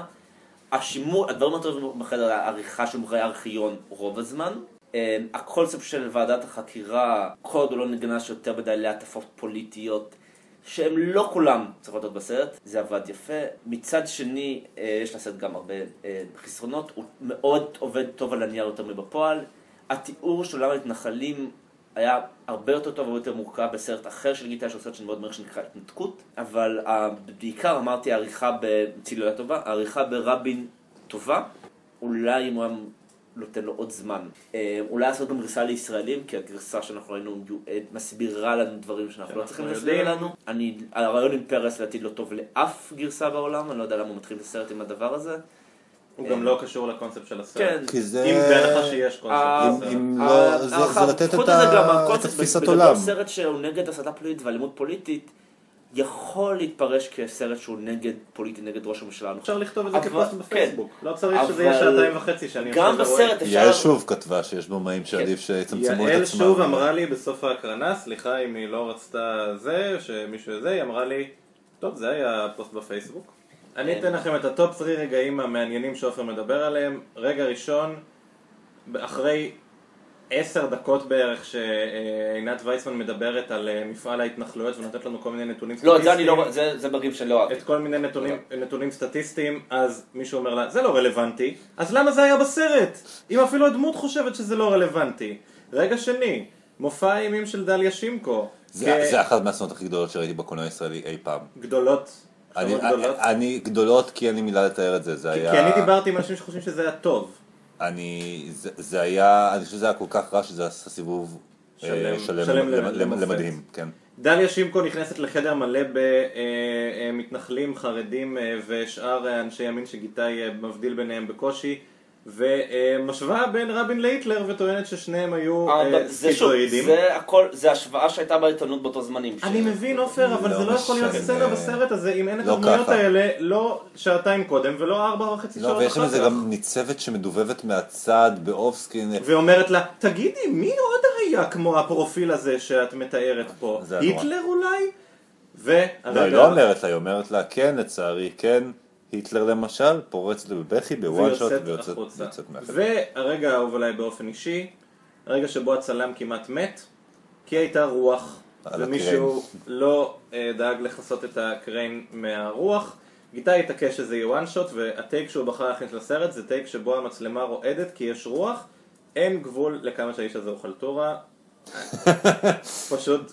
כן, פשוט- זה נכון, אין איזה סרט שנראה נראה- נראה לא אני, לא אני, לעניין. אני, אני כל כך לא יכול, לא יכול, לה- בגלל הביצוע, אני כל כך לא יכול להעריך את הקונספט שהוא מראש מיועד לקהל אירופאי בלבד, שהסרט הזה מבחינתי הוא, אבל דווקא הוא, לדעתי- הוא must ב, ב, בשליש, בשלישיית הגרועים, אה. אני לא רואה שנה שאני לא הייתי מכניס אותו בה מעכשיו ואחורה לתחילת החיים שלי לשלושת הסרטים זה מה הגרועים שקרה שתי שראיתי הסרטים האחרים. באותה שנה. אני חייב לציין ש... אני חושב שדווקא קצת הוא מאוד רצה שגם קהל ישראל יבוא אליו. מאוד. הוא מאוד גם שיווק את. לישראל. ושוב פעם, זה סרט שהיה אמור להיות אירוע חשוב, בדיוק כמו טוביאנסקי, פשוט זה היה אמור להיות אמ, משהו שלא קורה בקולנוע הישראלי. ועוד דבר שאני גם לא... אני לא אוהב שרץ שעושה לעצמו הקרנת בכורה בהיכל התרבות. אני ראיתי את זה. אני ראיתי את זה בהיכל התרבות. אמ, מה, כנראה שאנשים ברחו? היה קשה לראות את המ... אני ישבתי בשורה האחרונה למעלה והיה קשה לראות את המסך הרבה פעמים מרוב האנשים שיצאו באמצע. שקשה להאשים אותם אחרי שעה הם רואים שזה לא הולך לשום מקום. אבל... שעה... לא, האמת שסצנת הדיון על ההתנחלויות היה בגדול. היכל התרבות אני רוצה לשמור אותו, אם אם מקריאים שם סרטים, לסרטים קלאסיים, או נגיד לסרטים בהקרנות 70 מילימטר, אם אי פעם מישהו יחשוב שזה דבר שראוי שקהל בארץ יקבל. עופר, מה המקום השלישי שלך? טוביאנסקי.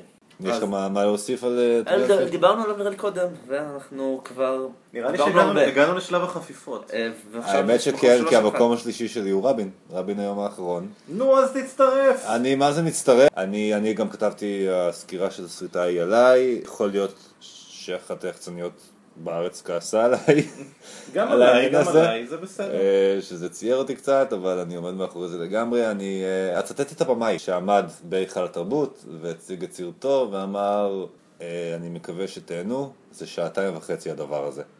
הדבר הזה. זה ככה, כמובן שהייתה דקה דומייה לרבין, בסדר. אני בתור אדם שקצת קשה לו עם מה שקורה לישראל בזמן האחרון, אמור להלל את הסרט הזה, זה סרט שהוא כאילו כביכול בשבילי, ולטפח את תפיסת העולם שלי, ולתת לי איזשהו אישור לקיום שלי, ובסופו של דבר, הסרט הזה הוא כל מה שרע בשמאל. וזהו. מה המקום השני שלך, רון? אני רק אפול יותר ויותר במחילת הארנבת הזאת. המקום השני שלי הוא גם סרט שדיברנו עליו, ודיברנו עליו הרבה, וכבר אמרתי שאני יותר מדי שונא אותו מכדי להתבטא עליו, וזה ליד הים. אם אה, על אה, גיטאי אמרתי שאני לא זה, שיעשה סרטים, אני פשוט לא אראה אותם, אנג'לינה ג'ולי לא צריכה לביים, היא לא טובה בזה. למה היא ממשיכה? זה שיש לה משבר והיא עשתה וידאו ביתי עם בעלה, זה לא אומר שאני צריך לראות את זה. בטח לא על פני שעתיים. אני פשוט, אני, אני מתחרט שראיתי את הסרט הזה, זו תחושה שלא לא, לא קורית לי הרבה. אם הייתי יכול לחזור בזמן ולמנוע מעצמי לראות סרט אחד השנה, אם יש לך מסר לאורון הצעיר, זה, זה, זה, זה הסרט הזה, פשוט בגלל שברור לי שאנשים אחרים יכולים ליהנות ממנו ויכולים למצוא בו כנראה שלא הרבה מהקולנוע. ויכולים יכולים למצוא בו דברים, וברור לי שזה הפרויקט פשן שלה, וברור לי שהיא הרבה פחות סתומה במציאות מאיך שהיא יוצאת כיוצרת בסרט, כי היא הגיעה למעמד שהיא הגיעה כנראה לא אך ורק בזכות איך שהיא נראית, או עם מי שהיא התחתנה, אלא בזכות איזושהי חריפות שכלית אה, מסוימת. וכל זה כל כך לא מתבטא בסרט, ואני כל כך לא מבין למה הייתי צריך לראות את זה, שאני פשוט מסונבר מדי משנאה ומעביר את הכדור לעופר למקום וזה עדיין לא השני. המקום הראשון שלך. וזה אפילו לא. המקום הראשון שלי. שכנראה יהיה סיקריו. אמ, חזרנו לזה. המקום השני שלך. לא, די, אור, אני המקום לא השני שלי, לא אמ, עכשיו. זה סרט ששוב אני חושב, אני מצפה לראות אותו בהרבה רשימות של הסרטים הכי טובים של השנה. והוא לא הוזכר עד עכשיו. והוא לא הוזכר עד עכשיו, אה. וגם לא זכרתי אותו, שעשיתי אותו בשנות התחלה, לא שמתי לב אליו, ואז אמרתי אולי שזה פספסתי. ואז נזכרתי שזה הסרט שבו הכי סבלתי בשנים האחרונות, וואו. והוא הוקרן השנה. אה, וזה, אם הייתי הולך על סבל שלי נטו במהלך הצפייה, בסרט שאני גם מבין מי שיעלל אותו, אה, שוב, אני, אני מבין את הכוונות של הסרט. נקרא הזדמנות נוספת. או, איזה טוויסט בעלילה. קרה עכשיו. אני מה זה שמח שאמרת את הסרט- הזה. ממש שמח. אה, אנחנו מדברים על, אה, למי שהשם הגנרי קשה לו. גם לי היה קשה. סרט דני. הייתי צריך לבדוק איזה הזדמנות נוספת זה, וזו לא הזדמנות שנייה שאהבתי, כן, הזדמנות שנייה. עופר, ספר לנו על מה... הזדמנות לנו של סוזן. ביארס. איזה טוויסט. ביר, ביאר. האישה של לארס פון טרייר, הכתיר, לא חשוב עכשיו. אמ, הוא אמר ש... לארס צדק. הוא אמר שיש יהודים רעים. אמ, הוא- זה כי הוא חבר שלה. אה, ככה, לא לעשות להתחיל לדבר לכם שלו בדרך כלל מאוד מעליבות, אז אמ, איבדתי כוכב בעבר, נכון, נכון. בהווה. כן, אמ, היא הייתה האישה הראשונה של הדוגמה, לא? כן. אמ, בגלל זה אנשים חושבים שהיא מהבעיות החשובות בעולם שיש במאות חברות נשים, כי יש במאית שהיא אחת מהבמאיות הראשונות של הדוגמה. והיא האוסקר האחרון של דנמרק. דנמרק, כן, גם על סרט לא טוב אגב. אה, בעולם טוב יותר. אז וואו, זה גם... יש הרבה במאיות, יש הרבה במאיות נפלאות בשנים האחרונות שפרצו ברחבי העולם. היא, לדעתי, עבורי, היא ממש לא אחת מהם, כי הסרטים שלה מאוד מוגזמים. בכל דרך אפשרית, המלודרמה אצלה, שהיא לכאורה ריאליסטית, היא הרבה יותר קנית ממלודרמות מוקצנות של יוצרים כמו אלמודובה וקסיבי דולן, שעושים מלודרמות מודעות לעצמם שזה... היא לא מודעת שזה מה שהיא עושה, ועושה את זה הרבה יותר קצין והרבה יותר גרוע, חמור, מכעיס. הדמויות בסרט לא עוברות כאנשים אמינים, אין להם כריזמה. אני חושב שיש... זה- מה ש- הת- מה שקורה עם התינוקות האימא זה- בסרט, מה שקורה עם ה- עם הדמות של האימא, ה- בסופו של איזה דבר אימא? הקונפליקט וההצדקה לאיך שהדמות שלהם מתנהגת, זה אחד הדברים הכי מטופשים שראיתי בסרט אי פעם. אחת, זה- אחד הסרטים השוביניסטיים. זה כן, עכשיו, זה סינופס מאוד מעניין כי שביימה אישה. אם לראות אישה כזאת, כמו מה שעובר עליה, שגורם לה לעשות ממשלה, זה דמות שאם אתה רוצה אותה מורכבת, זו דמות מאוד מרתקת. אני רוצה שנייה לעצור כדי להגיד, זה סרט על על בלש, שוטר. כן, שוטר שמגלם אותו אה, ניקולס וולדו. קוסטר ולדאו, איך כן, שאומרים את השם ניקולס שלו? קולסטר וולדו, זה עם שהוא. דווקא בסדר, זה עם האף. משחקי הכס, ואתה לא תגיד עליו מילה רעה. כן. לא, תשמע, יש לבחור הזה פרצוף של אה, אל קולנוע. הוא מדהים.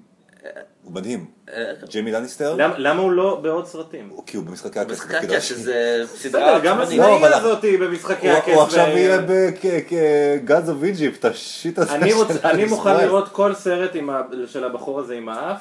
אתה, אז, הוא- אז הוא היה- חכה, הוא היה נהדר. ב-2016, תעשה לזה IMDb עכשיו.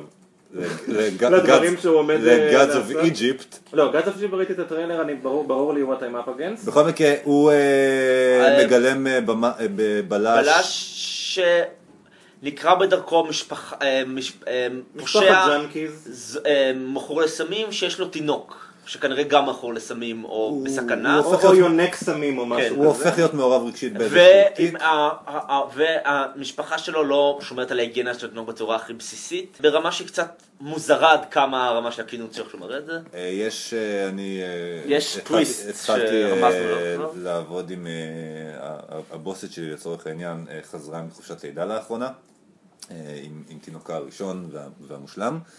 והסרט הזה מגיע בקרוב ל-yes, והיא רצתה, היא התעניינה במה הסרט, והיא שמה את הטריילר כדי לבדוק מה אנחנו הולכים לשבץ. תוך פחות מ-30 שניות היא עצרה את זה ואמרה, את זה אני לא רואה. אני חושב שאף אחד לא רוצה לראות תמונה של תינוק מרוח בחרא. וזה עוד אחד מהרגעים היותר... וזה- ולא ספילרתי כלום. לא, לא, זה- לא זה הרגעים. הקשים של הסרט, יש זה בו... אחד הסרטים הכי קשים לצפייה שראיתי. אנחנו ישבנו שם ואמרתי, אתה יודע, כאילו גם עכשיו- חשבתי שאמרתי לאורן את זה בסוף ההקרנה, כשהתעוררתי הבוקר, לא חשבתי שאני אסיים את היום הזה בלראות את ג'יימי לניסטר מורח תינוק בחרא. לא חשבתי שזה יקרה. אבל... זה גם, חשוב. רגע, חשוב להזכיר עכשיו משהו שאולי לא הובן, מה- אנחנו מדברים על איזה סרט אימה קיצוני, סרט דודות, דרמה של אחוש לב. הרמוטה, הוא לא אמור לדחות, הוא לא אמור להיות דוחה, הוא לא אמור להיות מפחיד, הוא לא אמור להיות שום דבר מהדברים האלה. לא, הוא כן אמור להיות מאוד מטלטל. כן, הוא- אבל הוא אמור להיות איזה רגשי. חוויה רגשית. אבל זה, במקום להרגיש איזה סיפור, כמה הבעיה שזה סובל, או איזה דבר נורא זה התעללות בתינוקות, מה שאני אגיד זה למה את עושה את זה כל כך ברור, תני לי קצת עידון, תני לי קצת קווי אופי לדמויות, סרט רע. זה, אל. תלחצי בכוח. אני אה, שמח מאוד ש- זה- שהרמת את הסרט הזה. הסרט שהכי סבלתי והכעיס אותי השנה, אבל יש לי סרט יותר גרוע אבל זהו. אבל זה לא המקום הראשון שלך. זהו, אבל אז, אור, אה, אנחנו לא אז יודעים. הנה, מה זה-. אז עכשיו... סיקריו. המקום השני הוא סרט שלא הוזכר עדיין, אה, ולא יוזכר לעולם מהרגע שהפודקאסט הזה יסתיים. מדובר בקטסטרופה הקומית מצחיקה שכזאת. וואו, אני חייב לראות את זה, איך כולם שנאו את זה. מצחיקה, מי ראה את זה?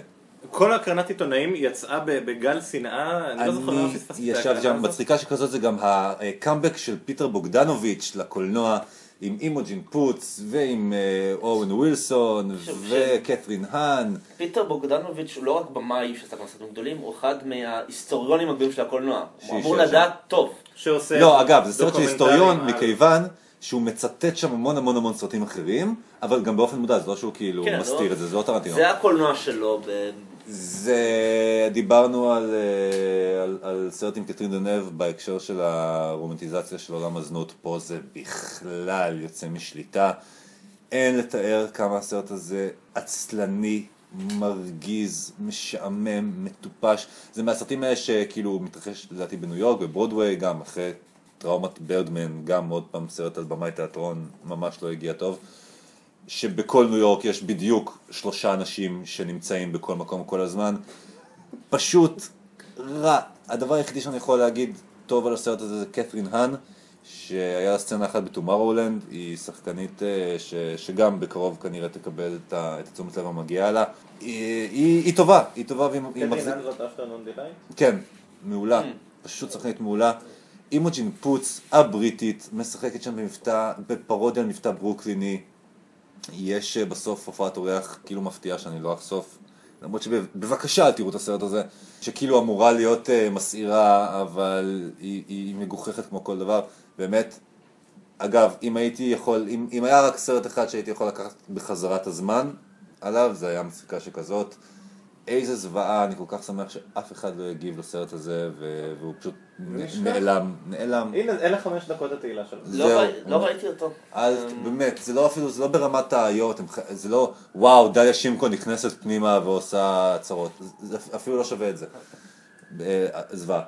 אז אה, זהו, אנחנו בישורת האחרונה, אה, מאוד, אה, מאוד מרגש. לא, סתם, האמת שלא. מאוד מרגש, ל- אנחנו נזכיר שוב שאנחנו לא אוהבים באמת לרדת על סרטים, אחרי בשביל זה אנחנו עושים את זה. אחרי שתי דקות של הוצאת קיטור אני כבר לא בא לי יותר. כן, האמת אני שיש משהו אנטי קליימטי. יגיד הסרט של התחון ונעבור על זה כאילו. לא, לא, יש לי מה להגיד על הסרט הראשון שלי, אבל ניתן לשניכם לדבר לפני זה. אורון.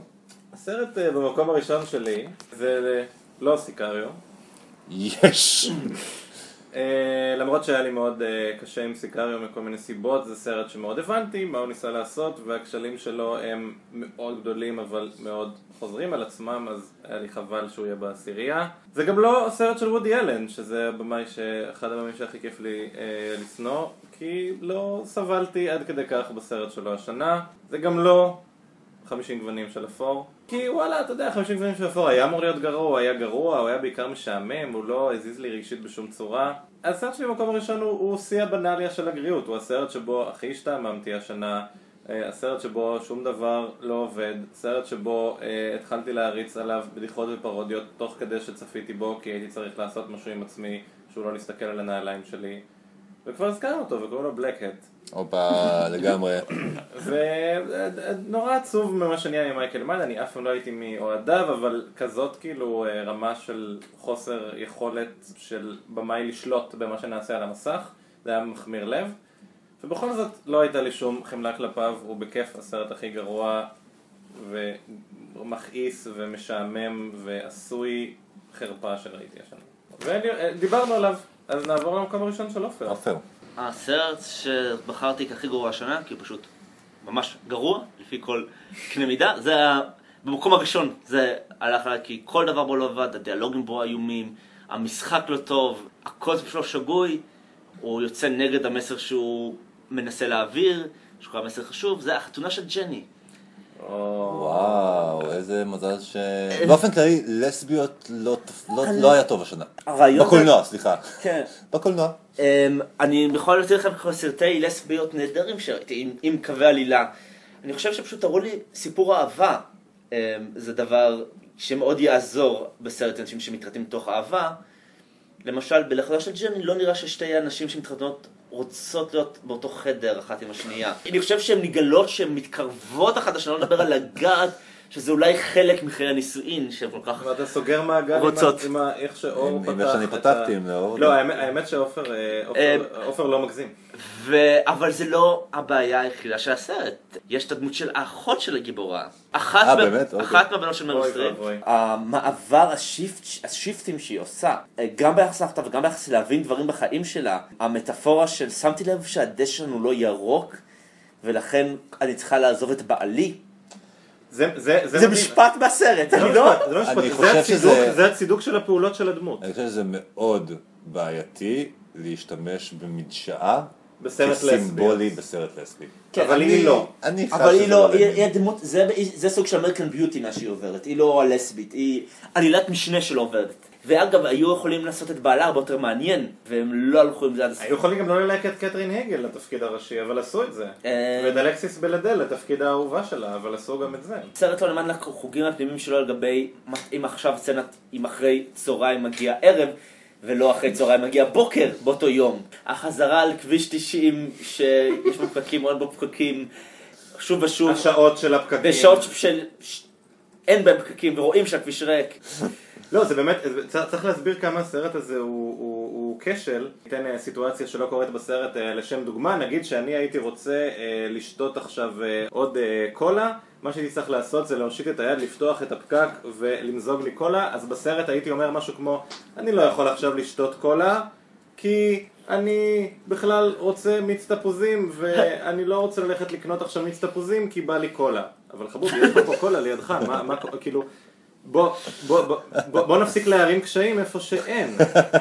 מש, זה גם, זה פרפרזות על משפטים שנאמרים בסרט. הקונפליקט של הדמות הראשית היא, אני לא רוצה שהמשפחה שלי תדע שאני לסבית. אחותי, את בת 40 ומשהו, את גרה עם מישהי, המשפחה שלך, גם אם היא הכי שמרנית בעולם, קלטה את ה vibe. אבל לא, בסרט היא לא קלטה את הווייב. יש אה, משפחות שקולטות vibe נורא לאט.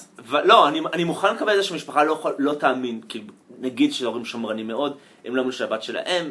סרט, שלא עובד, ושוב, סרט שנובע מלעשות מסר חשוב, אבל תספרו סיפור אנושי. עוד סגירת מעגל אה, של עופר זה שאני מסתכל עכשיו על העשירייה השנייה שלי, וכמעט כל מה שעופר בחר אה, בעשירייה אני בטוח השנייה שכולכם. תצאו את הסרט הזה, אבל אולי לא כולכם ראיתם אותו. לא, אני אני ויתרתי על... על- לא, לא, אני, אמרתי לך, אני הוצאתי אותו כי הוא סרט רע מאוד על נושא חשוב. כן, אבל אז זהו, נושאים חשובים מגיע שיעשו להם סרטים טובים. גם רבין הוא על נושא חשוב. אז רבין גם, היה בלתי נסלח. גם אחד לאהוב מותר אותה על. נושא חשוב, ויש הרבה סרטים על נושאים חשובים, תעשו עליהם, כדי שהנושא חשוב זה לא מספיק, תעשו סרט זה טוב, ואז הנושא הזה באמת יגיע ליותר אנשים, ויגרום אולי לשנות את הדעה של אנשים. כי חתונה של ג'ני לא שינית את הדעה של אף אחד, אם זו הסיבה שעשו אותו. אה, המקום הראשון שלי מקום גם, ראשון. מקום ראשון הוא סרט שלא הוזכר פה או בשום מקום אחר, אה, והוא הסרט נוק נוק, דפיקה בדלת. הסרט שרק אתה ראית. הסרט שרק אני ראיתי עכשיו. עד כמה הסרט הזה גרוע? ובכן, מה שקרה זה שאני לקחתי אותו מהאוזן השלישית, וכבר היה מאוחר, כבר היה איזה עשר, מאוחר בשביל להתחיל לראות סרט בבית בשבוע עבודה, צריך להוציא את הכלבה וכל הדברים האלה. אז התחלתי לראות אותו בסביבות עשר וחצי, ישבתי, הבנתי שמדובר ב... כאילו באמת, זה מסוג הסרטים האלה שבאמת מפוררים חלקים בהוויה שלך תוך כדי, והוא הסתיים בסביבות חצות, כשאני צריך לקום בדרך כלל ברבע לשבע, שש וחצי בבוקר לעבודה, והוא היה כל כך נורא, שאני אמרתי, לא, אין מצב שעם זה אני מסיים את היום שלי. אני חייב לראות עוד סרט. פשוט לא יכולתי לסבול את המחשבה שככה הולך להסתיים היום שלי עם הדבר הזה. הסרט השני שראיתי באותו ערב היה בריג'נד. בריג'נד. ברידג'ן זה לא- זה גם, זה לא בדיוק סרט הכי חמוד לא, ונחמד. הוא סרט מעולה, הוא אבל סרט ישבתי, שנותן לך סיוטים ותהיות קיומיות לגבי לשנים. והוא איטי, והוא מאוהר, והוא הוא מוזר נורא. וזה היה לי הוא פשוט גורם לך לחשוב על סיפור אמיתי שאתה לא יכול להשתחרר ממנו אחר נכון, כך. וזה היה הדבר הכי טוב שקרה לי באותו יום, כי אחרי נוק נוק, אה, אילי רות, אה, אחד ה... אני לא מכיר אותו באופן אישי, אבל מכל הסיפורים שאני מכיר אותו מאנשים שבאמת דיברו איתו, אה, או אנשים שסתם אני עוקב אחריהם בפודקאסטים ובמקומות מכריזים עליו כדוש הגדול ביותר של תעשיית הסרטים כרגע. זה הסרט השני שלו השנה, היה לו גם את גרין אינפרנו, שלא ראיתי.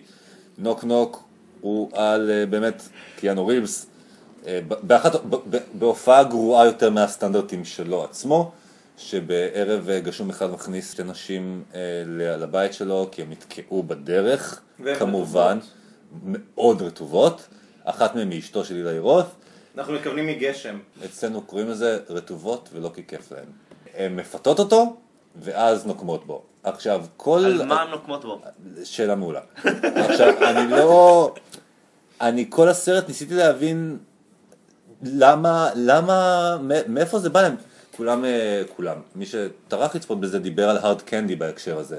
על הבחורה שנכנסת אה, ל- לבית של איזה גבר, אה, גבר רגיל וחביב, ומתעללת בו, ורק ברגע האחרון אתה מבין בעצם מי הרע האמיתי. אני לא אהרוס את הארד קנדי, אבל יש טוויסט מאוד יש מאוד לה- יש מטריד. סיבות לכל יש דבר סרט שם. מנומק. כן, יש טוויסט מנומק. שבאמת, מנומק, אני... קשה לצפייה, אבל מנומק אני לא... ואינטנסיבי. גם הארד קנדי לא היה אחד מהסרטים האהובים עליי, אבל יש בסוף קטע שאתה כאילו שתופס אותך. כל הזמן ציפיתי שזה יגיע בנוק נוק, שנגלה שהוא בעבר התעלל באחת מהן, שיש לו איזו היסטוריה של או באימא שלהם לפי איך שהן נראות לעומתו. כן, זה מין טורצ'ר פורן עם, עם בלי הטורצ'ר, הכל רע. עושה רע על הנשמה, באמת כתם שחור בשנה הזאת. כל הסרטים העצובים שהזכרנו עד כאן, שום דבר לא, לא התחרה בדפיקה בדלת, אני ממש מקווה שלא הלכתם לזה לקולנוע. זהו, אז בהקשר הזה, קודם כל סיימנו את, ה, את העשירייה שלנו. אני רוצה, אה, יש כמה סרטים שאני רוצה להזכיר, גם אתם מוזמנים, שלא נכנסו. אחד מהם אגב, סרטי חצות של סינמה סיטי, סרט שרציתי להכניס ל- לרשימה הזאת, אבל הוצאתי אותו בסוף, זה סודות הוותיקן, סרט אימה קטסטרופלי, ש... שרק אתה ראית. שרק אני ראיתי כי באמת אה, לקרוא לזה הפצה זה קצת בוחן אבל זה גם גבולות. עובר כאילו גם, נגיד סרטים כמו מה שנקרא השער, ורק אוהבים שורדים הופצו ככה. אה, נכון, יש גם סרטים טובים שמגיעים למשבצת הזאת. נכון מאוד. סודות הוותיקן איננו אחד מהם. ריקי והפלאש, אה, בעיניי תחתית אה, קשה, אני יודע שאתם לא, לא חולקים איתי, לא, אני כעסתי. הוא לא טוב. אני חושב שהוא... כעס. גם הוא לא בתחתית.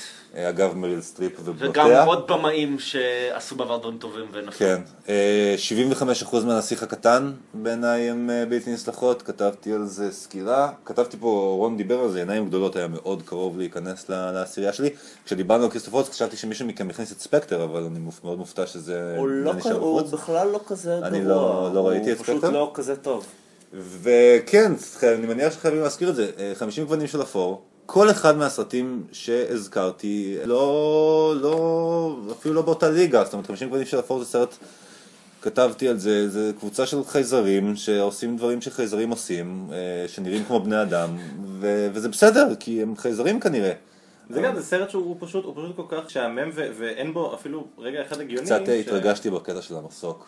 זה, זה סרט שמתחיל בזה שבחורה מסתכלת על בניין ממש גבוה מלמטה ואז מכניסה עיפרון לפה שכתוב עליו את השם של הבחור שהיא רוצה הסרט להכניס לפה. הוא fan fiction לדמדומים, זה הכל בלה ואדוארד, פשוט בעולם קצת אחר, בגלל זה הוא ערפד, הוא מעוצב לחלוטין כמו ערפד בסרט, היא סתומה, כי היא משחקת את קריסטין. ואם מס- אם מסתכלים על הסרט, כן, על בלה, אם מסתכלים על הסרט בתור, אה, אוקיי, אם נגיד אקספנדבלס זה פנטזיה גברית מטומטמת, אז 50 גברים של אפור זה פנטזיה נשית מטומטמת, ואם מסתכלים על זה ככה אתה מבין הרבה הרבה דברים שם, והיה היה, היה בסדר.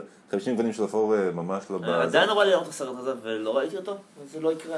אז זהו, אני גם חשבתי, בגלל שככה הספקתי יפה, אז היה לי עוד רגע של השלמות, וראיתי היית כמה צריך סרטים להגיע במים. ל-320 ו-200 אז עכשיו אני יכול לעשות לעצמי לראות אני את גם 50 ראיתי גוונים של אפור. פשוט ראיתי סרטים ישנים השנה ולא סרטים חדשים. כן, כמה היו גם ישנים, יש לי את אני סרטים גם. רוצה סיבוב בזק, אפשר? בוודאי, שלך. טוב, איביזה אמרנו, 50 גוונים אמרנו, רודי אלן אמרנו, אה, סרט שכמעט... אפילו אין- אין לסרטים שלו שמות, זה וודי אלן. כן, מה יולן אכפת- השנתי. מה אכפת לי, רודי אלן החדש, איש הוא. בטוח גרוע. הסרט שכמעט הכנסתי למרות שהוא היה רמאות כי ראיתי אותו בפסטיבל, אבל סבלתי ממנו עד אין קץ, קוראים לו יומנה של נערה מתבגרת. אני רואה אותו... בגללך לא ראיתי אותו. אני רואה אותו ברש... בכל הרשימות בכל הרשימות. של כולם, זה סרט שהוא הוא עשה לי אה, אה, בחילה פיזית מהשנייה הראשונה ועד השנייה האחרונה, לא ברור לי מה אני הבנתי לא אני נכון, חייב לראות את הסרט הזה. אבל זה כנראה משהו שקרה.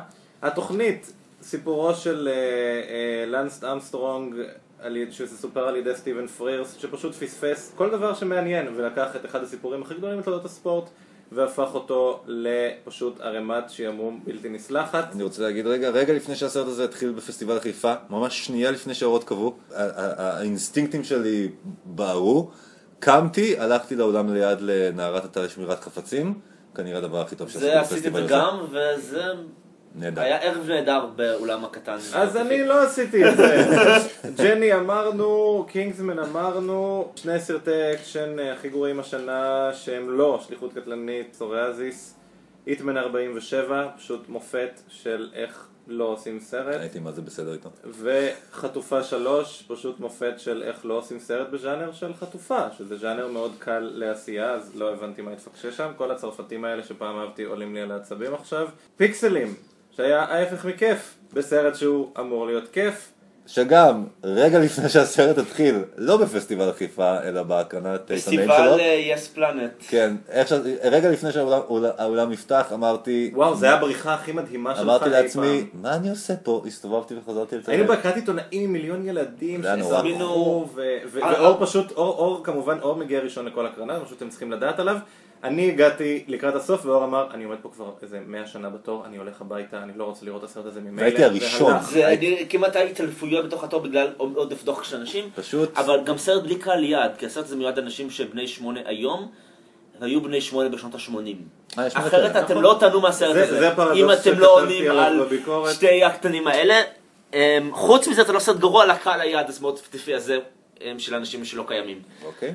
אה, אני אסיים את סיבוב הבזק הזה שלי עם סרטים שזכו להרבה תשבחות, אבל אני פשוט ישבתי בהם והחמצתי פנים מההתחלה עד הסוף, למעט איזה הבלחה פה ושם. אסון מהלך, שכשמו כן הוא, הרג לי ג'אד אפטאו, ג'אד, אני ואתה כבר לא.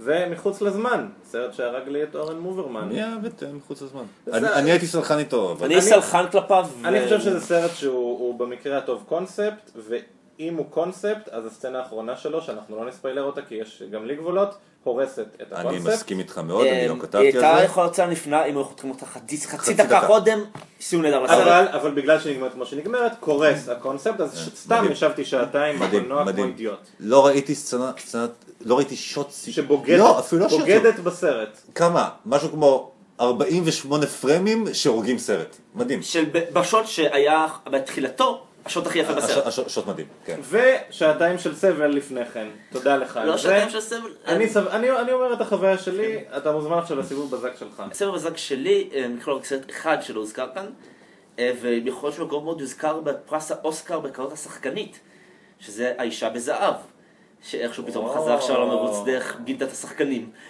אה, עד כדי כך גרוע? כן, פשוט כן. עוד אחד מהסרטים עם הנושאים טובים וחשובים, האם אלן מירן אומנות ושואה, ואלן מיר- אלן מירן שהיא סבירה בסרט, בתור אה, גולדפינגר. לא אחת מחמש תצוגות המשחק הנשיות הטובות של השנה, לפי איגוד השחקנים האמריקאים, השחקנים מאוד אוהבים אותה. היא מועמדת פעמיים. בסרט הזה, בסרט, גם, בסרט, גם על הסרט הזה היא מועמדת. בנייה לאמירה, הרצון לספר סיפור מעניין ואמיתי, בלי לרדת למורכבויות שלו, בלי להראות את הדברים הבעייתיים בדמות הראשית. ש- כשאתה קורא סיפור אמר- אמיתי אחרי הסרט, אתה אומר, וואו, הסיפור האמיתי הרבה יותר מעניין. אתה יודע מה הדבר הכי גרוע. בסרט לא? ראיתי את זה. שהנאצים בסדר. זה אה. בסדר, הם אנשים נחמדים שאוהבים אמנות. זה, אתה יודע.